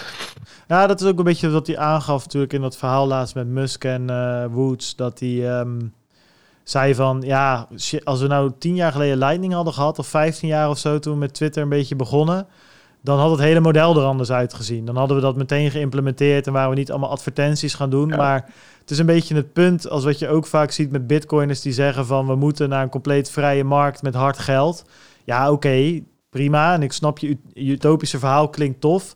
Maar hoe we daar komen is een beetje lastig. Want we zitten natuurlijk in een hele rare situatie. En dat is, dat, dat, ja goed, dat is op zich een goed punt. Ja. Ik, um, ik herken me daarin. hey, ehm, ik wil wel eens eventjes uh, het over die infrastructure bill gaan hebben, Peet. Is dat een uh, goede om nu naartoe, na, naartoe te gaan? Ja hoor, prima. Dat kunnen we niet skippen uh, deze week. Dat laat, lijkt me... eh, Ik, ik noteer even de timestamp. Daar ben jij weer blij straks. Ja, ja infrastructure zeggen, bill. Dus die, uh, oké, okay, de, de, de too long. Uh, dat is, dan hebben we het niet over een een of andere, um, een of andere loodgieter. Um, weet je, een handige Harry. Infrastructure bill, weet je wel. Die, uh, die in de buurt gewoon alles een beetje kan fixen. Ja, dat klinkt een beetje als uh, Pieter Post. Ja, ja precies. Infrastructure Bill, dat is zijn opvolger. Mooi. Ja, nou ja, daar hebben we het vorige week het ook over gehad, denk ik, hè? Best wel even. Of niet? Nou, ik weet het eigenlijk niet. Nee, wanneer heb jij die alfa uh, verstuurd? Dat is het moment dat jij erin bent gedoken natuurlijk. Ja, dat is van de week. Nou, ik denk wel dat we het er kort over gehad hebben eigenlijk. Ja, maar je hebt het echt um, uitgewerkt van de week. Dat uh, kan ik je wel vertellen. Ja, dat klopt. Dus, dus die, het, het, het, het draait om een, uh, om een uh, hele grote infrastructuurwet, wetsvoorstel, plan van Biden. Die wil vele tientallen, honderden miljarden eigenlijk de economie inpompen, gericht op de Amerikaanse infrastructuur. Um, en ergens verstopt in die wet zat een stukje over um, uh, digital assets, crypto assets. Um, en niet omdat het daar gaat over wat crypto assets zijn of iets dergelijks, maar omdat ze inkomsten nodig hebben om dat plan mee te bekostigen. En een van de uh, trucken uit de ho hoge hoed is om brokers te gaan belasten, meer gaan belasten dan wat nu het geval is. En daar moeten dan, weet ik veel, 30 miljard, 30 miljard dollar vandaan komen of zo, om, om dan de, de nieuwe wegen te gaan betalen. Um, en het probleem is, die brokers die waren zo breed gedefinieerd... Uh, dat daar de, de, de, de crypto-bitcoin-wereld zeg maar, uh, van in opstand kwam. Die definitie luidde als volgt. Any person who for consideration regularly provides any service or application... even if non-custodial, uh, to facilitate transfer transfers of digital assets, including any decentralized exchange or peer-to-peer -peer marketplace. Dus eigenlijk zeggen ze, joh, uh, elke economische actor die actief is in dit wereldje, ja, die moet gewoon gaan voldoen aan onze uh, strenge administratieve plichten uh, en succes ermee. Um, ja, dat leidde tot een golf van amendementen. Dus het zijn voorstellen om deze, deze specifieke paragraaf te wijzigen, zodat daar niet meer allerlei partijen onder vallen die er überhaupt niet aan kunnen voldoen, zoals miners of. Lightning nodes. Uh, wallets of ontwikkelaars, Lightning nodes enzovoort. Um, en nou, daar kwamen er een stuk of drie uit. Uh, heel een stuk getouwtrek. Um, uh, en, en eigenlijk leidde dat niet tot een echt uh, amendement waar iedereen achter stond. En al zeker niet tot een amendement die werd aangenomen. Um, ja, en dat zit zo. Eigenlijk moest die, het, idee van die infrastructuurbill was om, om door het Senaat heen te loodsen en dan ook snel. Dus op een gegeven moment werd er gezegd van nou, we gaan überhaupt geen amendementen meer aannemen, want er is te veel discussie, het duurt te lang. En dat was dan de manier uh, uh, om het er snel doorheen te krijgen, was van nou, weet je, oké, ik sta wel wat amendementen toe. Maar alleen als, als we tot een snelle uh, orde van zaken uh, komen. En anders uh, wordt, wordt er gewoon helemaal geen amendement toegestaan. Ja, nou, unaniem laatste, ook, toch? Dat laatste ehm, was het geval. Dus de senatoren kozen ervoor van nee, we willen wel de tijd hebben. Dus we kiezen niet voor een snelle behandeling. En met als gevolg dat er geen amendementen in het proces konden worden aangenomen. Uh, met als gevolg, ja, we komen nu diep in het Amerikaanse politieke systeem. Um, en wat normaal, wat er nodig is om een amendement er doorheen te krijgen, is dan wordt die voorgelegd en dan wordt er over gestemd. En dan als de meerderheid voor is, wordt die toegepast. Dat stuk was niet meer mogelijk. Wat dan overblijft, wat nog wel mogelijk is, is het toepassen van, van een amendement als er unaniem voor gekozen wordt om het toe te passen. Dus dan moeten alle 100 senatoren voor zijn. Nou, uiteindelijk was er dus wel een, een bipartisaanse uh, uh, voorstel geformuleerd, waar dus de Democraten en de Republikeinen voor zijn. Ehm, maar die kon dus alleen nog unaniem geaccepteerd worden. Ja, en en ehm, ja, weet je, toen begon wel echt het, het hele eh, Amerikaanse politieke gebeuren waar dan je broek een beetje van afzakt. Volgens mij is het op dit punt wel aardig om even naar senator Loomis te luisteren over dat bipartisaanse voorstel. Um, I do believe that long term it will catch on. Um, I believe there are so many innovators in the United States right now. Uh, since China kicked out the Bitcoin miners, uh, allegedly because of energy production, but we all know it's because they don't want the competition for the digital yuan. They want their currency, which is n- not um, transparent uh, on the um, on the blockchain, but that allows them uh, access to the information on how the digital yuan is being used. Um, we want to make sure that uh, if there is a digital dollar or if stablecoin becomes the standard for the fiat currency world, and that uh, the non fiat currency world can grow and interface with the fiat currency world, that you'll have sort of the best of both worlds. Uh, it will allow the non banked uh, to participate in the economy, uh, just as we've seen uh, people in El Salvador do. And it will also allow people to use it as a store of value. Uh, so I'm optimistic. I think that there's so much. Um, energy and excitement and innovation in that space. It's almost like when the internet first started, uh, we're seeing this exponential growth and uh, so I'm very excited about this space, and I think that there's a lot to commend its very positive future in the United States. Ja, dit was dus onderdeel van de presentatie van dit, uh, van, van de, deze wijziging van het wetsvoorstel.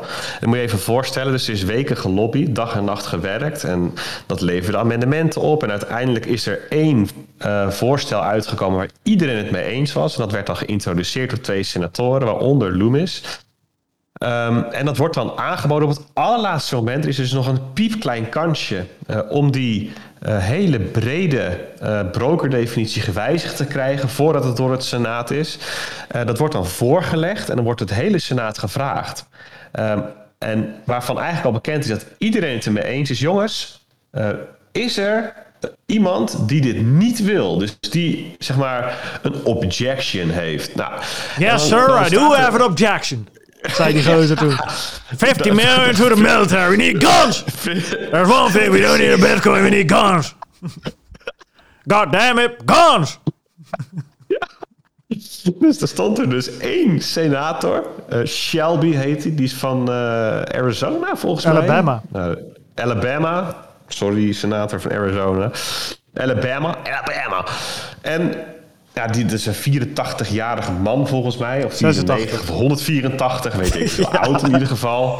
Die heeft en nog die in, zegt, die, uh, in die burgeroorlog meegestreden. die, die, komt daar met zijn... ding. I, I object! die krijgt het nog net over zijn... Over zijn, over zijn, nou ja, goed. En dan maak ik er een beetje een, uh, een karikatuur van. Maar, maar die, die kwam daar dus en zegt van...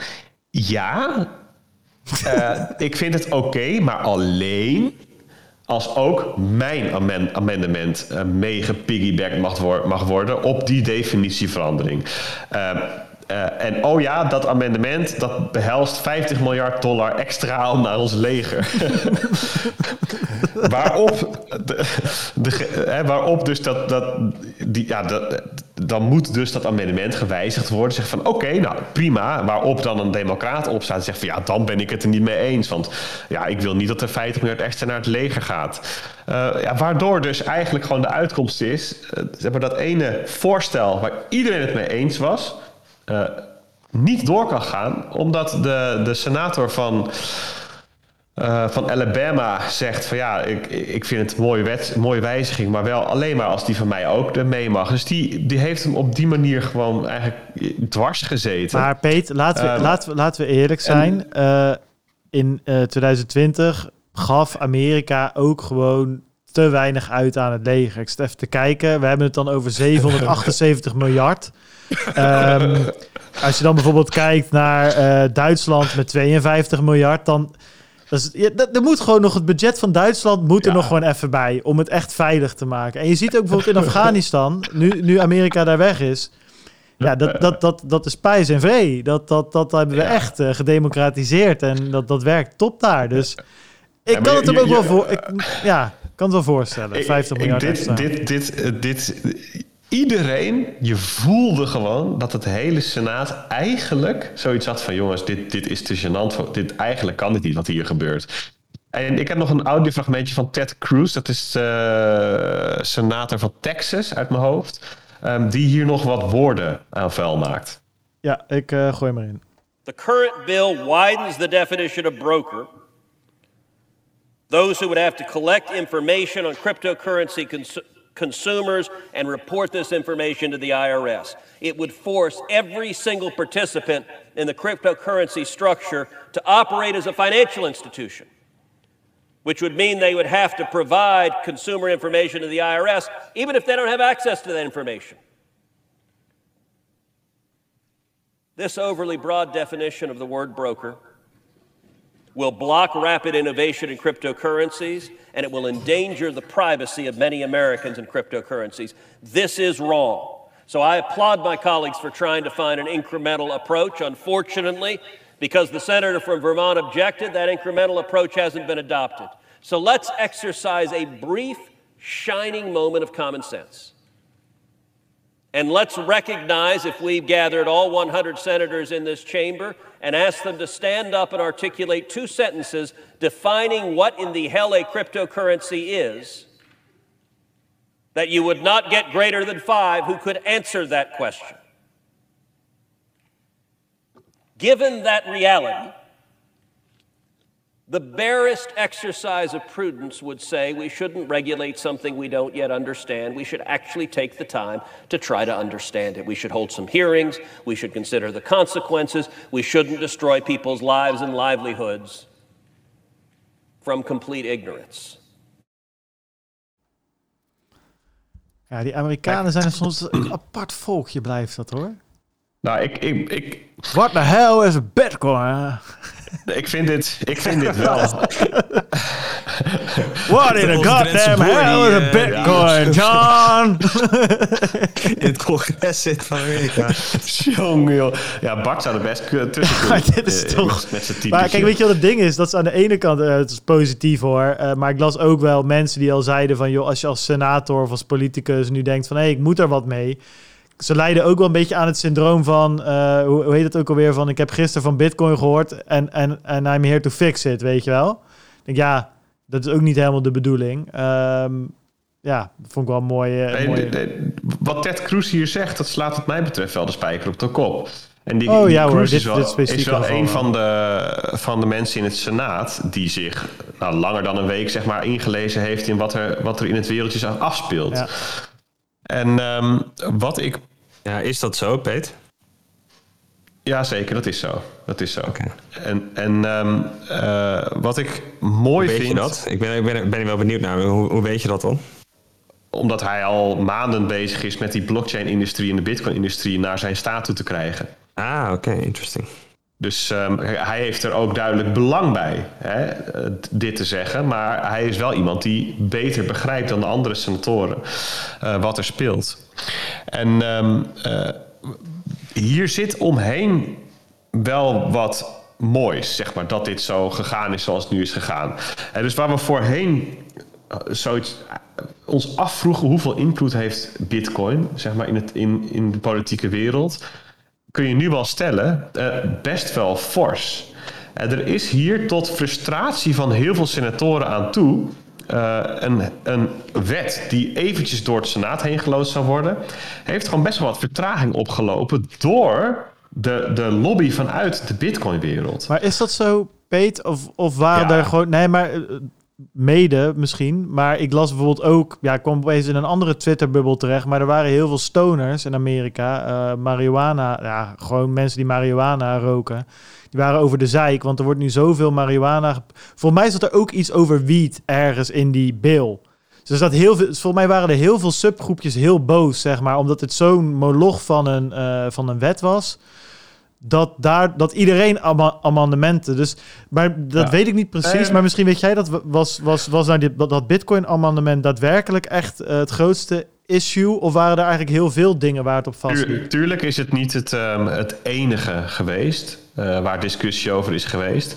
Maar het is wel eh, iets wat breed uitgemeten is in de Amerikaanse media. Ja. Tot aan eh, tv aan toe en de Washington Post, de New York Times, de, de Politico van, van deze wereld. Ehm, eh, tot op het punt dat zelfs de White House zich erover ging uitspreken. Hè? Ehm, dat, dat voor- en tegenstanders bij elkaar zijn gekomen. Dat het ministerie van Financiën er iets mee moest. Weet je, de, de, het is een niet, te, niet te negeren kracht in die zin. En dat Ja. is op zichzelf is dat positief, Ja, denk eens. ik.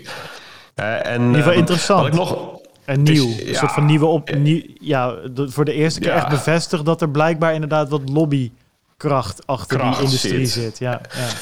Eh, en ehm, dat de koers gewoon doorbleef, met, het doorbleef stijgen gedurende dit hele debakel, dat, dat wordt door sommige partijen uitgelegd als van ja, dat dat zo is, dus dat, dat die politieke kracht zich heeft getoond, is voor eh, institutionele investeerders, voor Wall Street, voor macro-investeerders, is een signaal. Eh, dat, is, eh, dat is iets om mee te wegen. Ehm, hè, dus dat er niet zomaar over Bitcoin heen gewalst wordt. En eh, dat zie je terug nu in de prijs. Nou, eh, het is altijd lastig om daarvan te zeggen van dat is zo of niet zo. Maar dat wordt een van de manieren om dat uit eh, te leggen, is die. Nou, ik zag dus nog even terug naar die Shelby. Dus dat is de, de, de oude meneer die, die dus dat, de, de, de, versmallen van die definitie Oh, Bitcoin in Alabama. voorkwam. ja. Die kwam dus later op Twitter met het volgende. I supported Sen- Senator Toomey's, dus dat is die laatste, dat la- laatste am- amendement. Uh, I supported Senator Toomey's cryptocurrency amendment. I know of its importance to innovation and job creation, but I believe it pales in comparison to the security of our nation, which is why I called for a vote on my defense infrastructure amendment. It's unfortunate that the Democrats blocked both amendments. Dus om gewoon leuk nog eventjes de schuld bij anderen neer te leggen.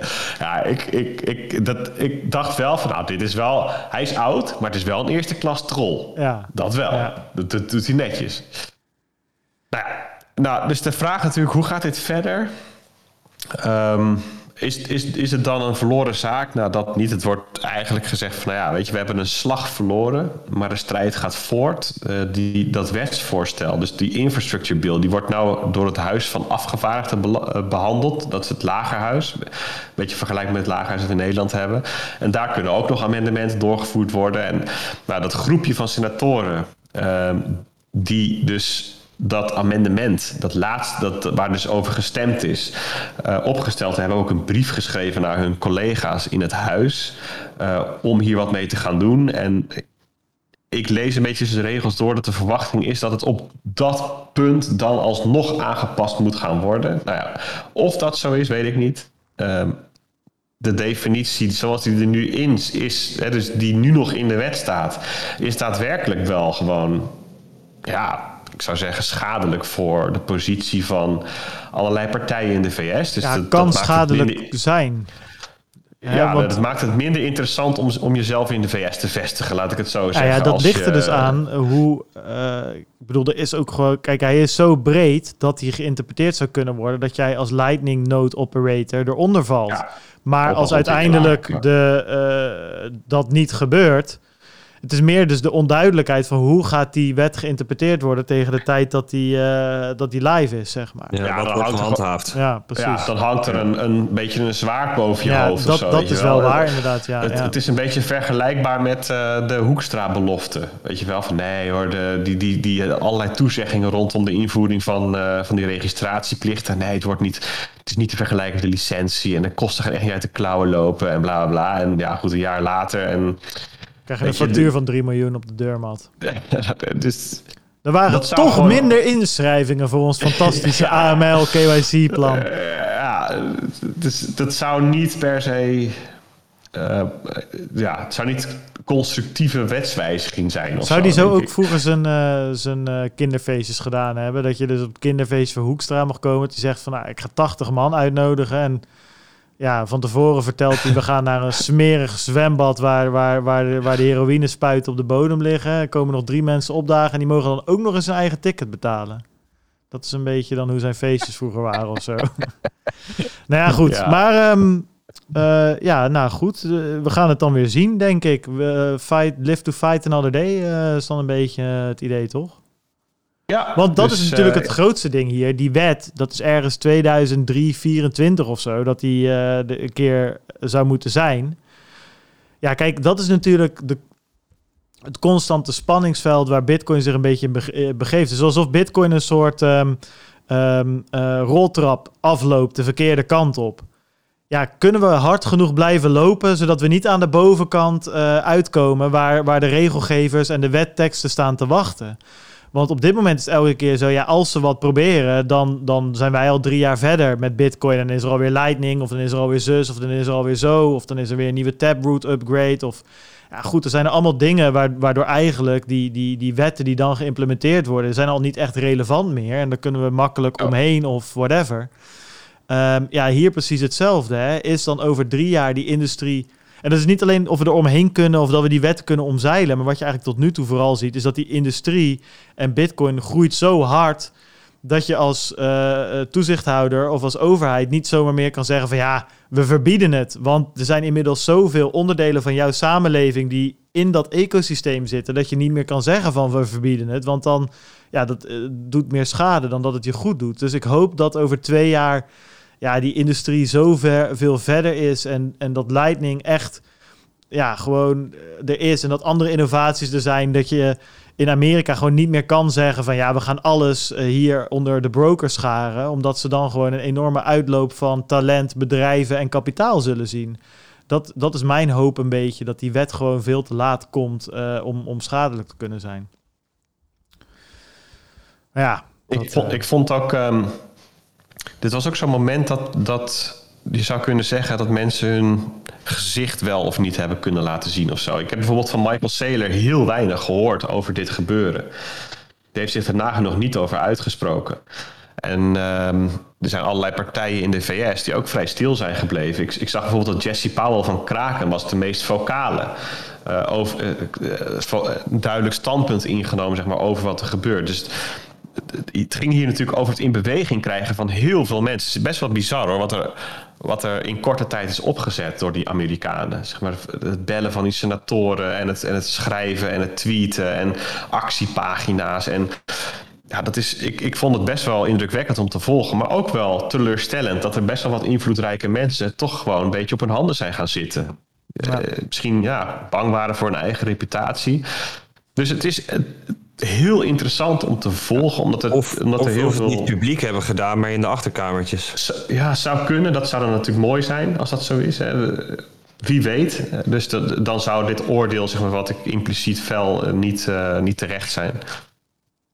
Maar ehm, ja, weet je, dit, dit kan dus ook wel eens gewoon uitmonden op een heel krachtige eh, eh, uitkomst vanuit Bitcoin-perspectief. Ja, Weet en je, wat je, ik ook weet gewoon, je, je weet gewoon, je moet politiek geëngageerd gaan zijn. Je- Dat, dat is nu eenmaal hoe, de, hoe een deel van de wereld in elkaar zit. Nou, wat ik, wel, je- wat, ik- wat ik wel mooi vind hieraan, Peet, ergens is dat zeg maar. eh, de, nou, dit eh, eigenlijk een beetje hetzelfde wat er zou gebeuren als de mensheid aangevallen zou worden door aliens of zo. Dan opeens, eh, ja, weet je, hebben we het niet meer over de Taliban of kleur of whatever. Dan is het gewoon de mensheid tegen de rest, weet je. Dat, dat zou het beste middel zijn Ja. tegen racisme en whatever. Maar dat zag je dus hier ook een beetje. Want die gozer die Ja. dus eigenlijk constant de draadjes maakte op Twitter om mensen op de hoogte te houden. Die Jake eh, Krasinski, die, eh, die, die ehm, advocaat is dat volgens mij. Ja, dat is geen bitcoiner, zeg maar. Dat is heel uitgesproken. Gewoon, die heeft over crypto, constant.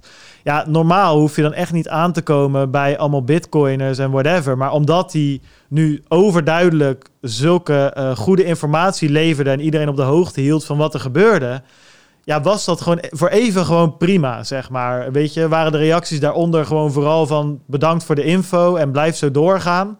En niet van, ja, shitcoin er donder op. Ik hoop... eh, de, dat, dat, dat, dat vond ik ergens wel mooi. Dat het eventjes soort van samenkwam. En maakte niet, niet zoveel uit van of je nou een broker was die shitcoins verhandelde of niet. Zeg maar, iedereen was daar een soort van bezig om, om die wettekst maar zo goed mogelijk te maken voor zowel bitcoin als de rest. En nou, vond ik ergens ook wel mooi om te zien dat het even duidelijk was dat de gezamenlijke vijand, de, ja, waarom ook die hele movement 10, 5, ja, 10, 12 jaar geleden begonnen is, was tegen banken, tegen politiek, tegen de gevestigde orde een beetje, tegen het oude systeem. En dat is in de loop der jaren heel veel verschoven van op elkaar in het systeem zelf. Eh, en in, in, dat is soms terecht en dat is begrijpelijk. Alleen hier werd heel even mooi duidelijk van, oh ja, er zit nog wat boven, zeg maar, waar we allemaal Ja. bij gebaat zijn als we ons daartegen verzetten. Ik heb er wel een echt puntje op, eh, Bart. Ja. Want je zegt van het is, het, is, het is begonnen als een soort van tegen banken tegenover. Ehm, is het niet, is, het is begonnen vanuit voor privacy, Ja. eh, gaan we voor onafhankelijkheid, voor eh, ehm, een, een weerbaar, weer, zeg maar, weerbaar zijn tegen censuur. Is het niet, is het niet dat en dan vervolgens eh, lijnen zeg maar de vijanden zich blijkbaar op die, eh, die Ja. bezwaar hebben tegen die, eh, tegen die principes. Nee, ik denk dat dat, dat, dat is inderdaad zo, zo zou je moeten zeggen. Alleen dan nog denk ik wel dat, dat het verhaal opgaat dat die se- senator van Alabama, denk ik dat die, die minder eh, eh, in overeenstemming is met die waarden, eh, normen en waarden die je opnoemt dan bijvoorbeeld een Vitalik. En toch is, is in de loop der jaren meer, zeg maar, de, de, de, de ruzies daarop ontstaan. Dus over ehm, bepaalde, ja goed, ja, ik wil het ook niet per se nuanceverschillen noemen of zo, maar toch, ja, ik durf wel te zeggen dat Ethereum een meer decentraal systeem is dan, dan het hele, eh, de- dan de overheden zoals we ze nu zien, of de bankenwereld of iets dergelijks. En nou goed, dus ik vond dit mooi naar voren komen. Dat ik dacht van, nou, het is ook wel eens leuk om te zien dat iedereen even niet op elkaar loopt te zeiken, maar gewoon iets voor Ja. elkaar probeert te krijgen. Of zo. The, Dus, the ja. enemy of my enemy dies next. eh, Ja, ja. Dat de verbindende factor, het was een beetje hetzelfde als eh, wat er gebeurde nadat Pieter Hazekamp zijn, zijn, zijn opiniestuk Ja, publiceerde ja. over, eh, over bitcoin. Precies. Uiteindelijk is het belang van al die partijen hetzelfde, is dat ze er geld in hebben zitten. Ehm, dus ja, Ja, dat is ik weet niet. Ik ben er wat minder, eh, wat minder eh, Rainbow eh, Unicorn Ja, goed. nou, dat, dat, is, dat is ook wel weer een goed punt, inderdaad. Ik bedoel, eh, als broker eh, ben je natuurlijk gewoon de lul met dit soort eh, eh, hele open wetteksten waar je aan alle verschillende kanten, waarvan je nog niet weet, genaaid kan worden. Dus dat ook weer zo. Maar goed, gewoon even in het moment dacht ik, nou, geinig, weet je. Hing wel een bepaalde energie waarvan ik dacht van, oké, prima. hey, ehm, we moeten er wel even zo eens even een eind aan gaan breien, jongens. Want eh, ik moet straks eh, weer naar eh, oma Herbert. Van de CryptoCast. Om daar eens eventjes te kijken hoe zijn, eh, zijn hoe noem je dat? Eh microcaching eh strategie. eh. Stofzuiger, zo'n robotstofzuiger. Ja, dat was toch mooi, jongen. Dat is toch, weet je, dan, dan, dan vergeef je hem toch al die microcaching dingen als je weer ziet dat hij 15 jaar geleden op de grond een robotstofzuiger liet te reviewen. Dat, dat is toch goud, weet je. Dat is toch fantastisch. Ehm, dus, dus, dus, ehm, ja, dus dat. En we zitten ook alweer 2,5 uur. Het is weer echt wel weer een leuke a- aflevering geworden, jongens. Ehm, nou, constant eh, geslaagd wat mij betreft. eh, met vlag en wimpel. Dus eh, we zien je Even een diploma, kan je Ja. zo ophangen. een sticker, inderdaad. Ja, ik, ik Passion zou- Radio approved. ja, nee, maar dat wisten we van tevoren alle gekheid op een stokje. Ik denk, ehm, nou, je bent, eh, je bent vaker welkom, dus dat, eh, dat, eh, ik denk dat we je nog wel Kunnen we het dan eh, over Bitcoin in plaats van Ethereum hebben? Dat zou ook wel. eh, Ja, gaan we dat, eh, gaan we de vol- dat de volgende keer doen. Ehm, ja, dat komt goed. En natuurlijk eh, je, je, je colleges, die blijven we ook eh, doorzetten in de Telegram eh, audio, eh, audiogroep. Nou, ehm, ja, ik denk dat dat hem dan even een beetje was. Ik denk dat we de meeste dingen wel, wel gehad hebben. En de rest kunnen we prima doorschuiven naar, eh, naar volgende week. Ehm, nou ja, Constant heb ik bedankt. Peet, jij ook? Ik vond het eh, echt... ehm, ik vind het goed eh, om te zien dat je echt op je eigen benen kan staan. Ja, Onder zijn grote Ja, ja. broer. ja, precies. Dan neemt hij toch gewoon wat meer, eh, wat meer eh, het Maar dan, dan, initiatief. dan, dan zie mooi. je, hè, dan zie je dat ik jullie best wel vaak gewoon de ruimte gun. Ja, maar ook gewoon echt, ik echt, eh, ja, je bent een slimme gozer en dat komt er echt prachtig uit op deze manier. Dat is echt... eh, Als je een keer niet in de schaduw staat. Ja, is, eh, precies. Ja, je straalt zelf Ja, ook een beetje. je, je, je doet mij geen grote plezier door mij heerlijk in de schaduw te Ja, zetten. maar weet je wat mooi is, eh, Constant, hoe dat normaal gaat? Bertie heeft thuis een soort autocue staan en die is direct gelinkt met Peter's laptop. Dus Peter zit de hele aflevering daar eh, allemaal... eh, ja, en, en nu hoor je hem eh, uit zijn eigen mond het een keer. Dus dat, eh, ja, dat is fantastisch om te zien. S- Soms plak ik er per ongeluk van die Assie Art dingen intussen en dan, Ja. dan heb, ik het, heb ik het weer gedaan. Weet je wat trouwens grappig is? Jij zegt wel van eh, eh, Constant, die lijkt niet echt op, eh, niet echt op, eh, op Bert. Nee, dat klopt. Toen dacht ik, wij hebben natuurlijk ook nog eens een andere host gehad. En daar heb jij wel wat van weg als ik zo zit te kijken.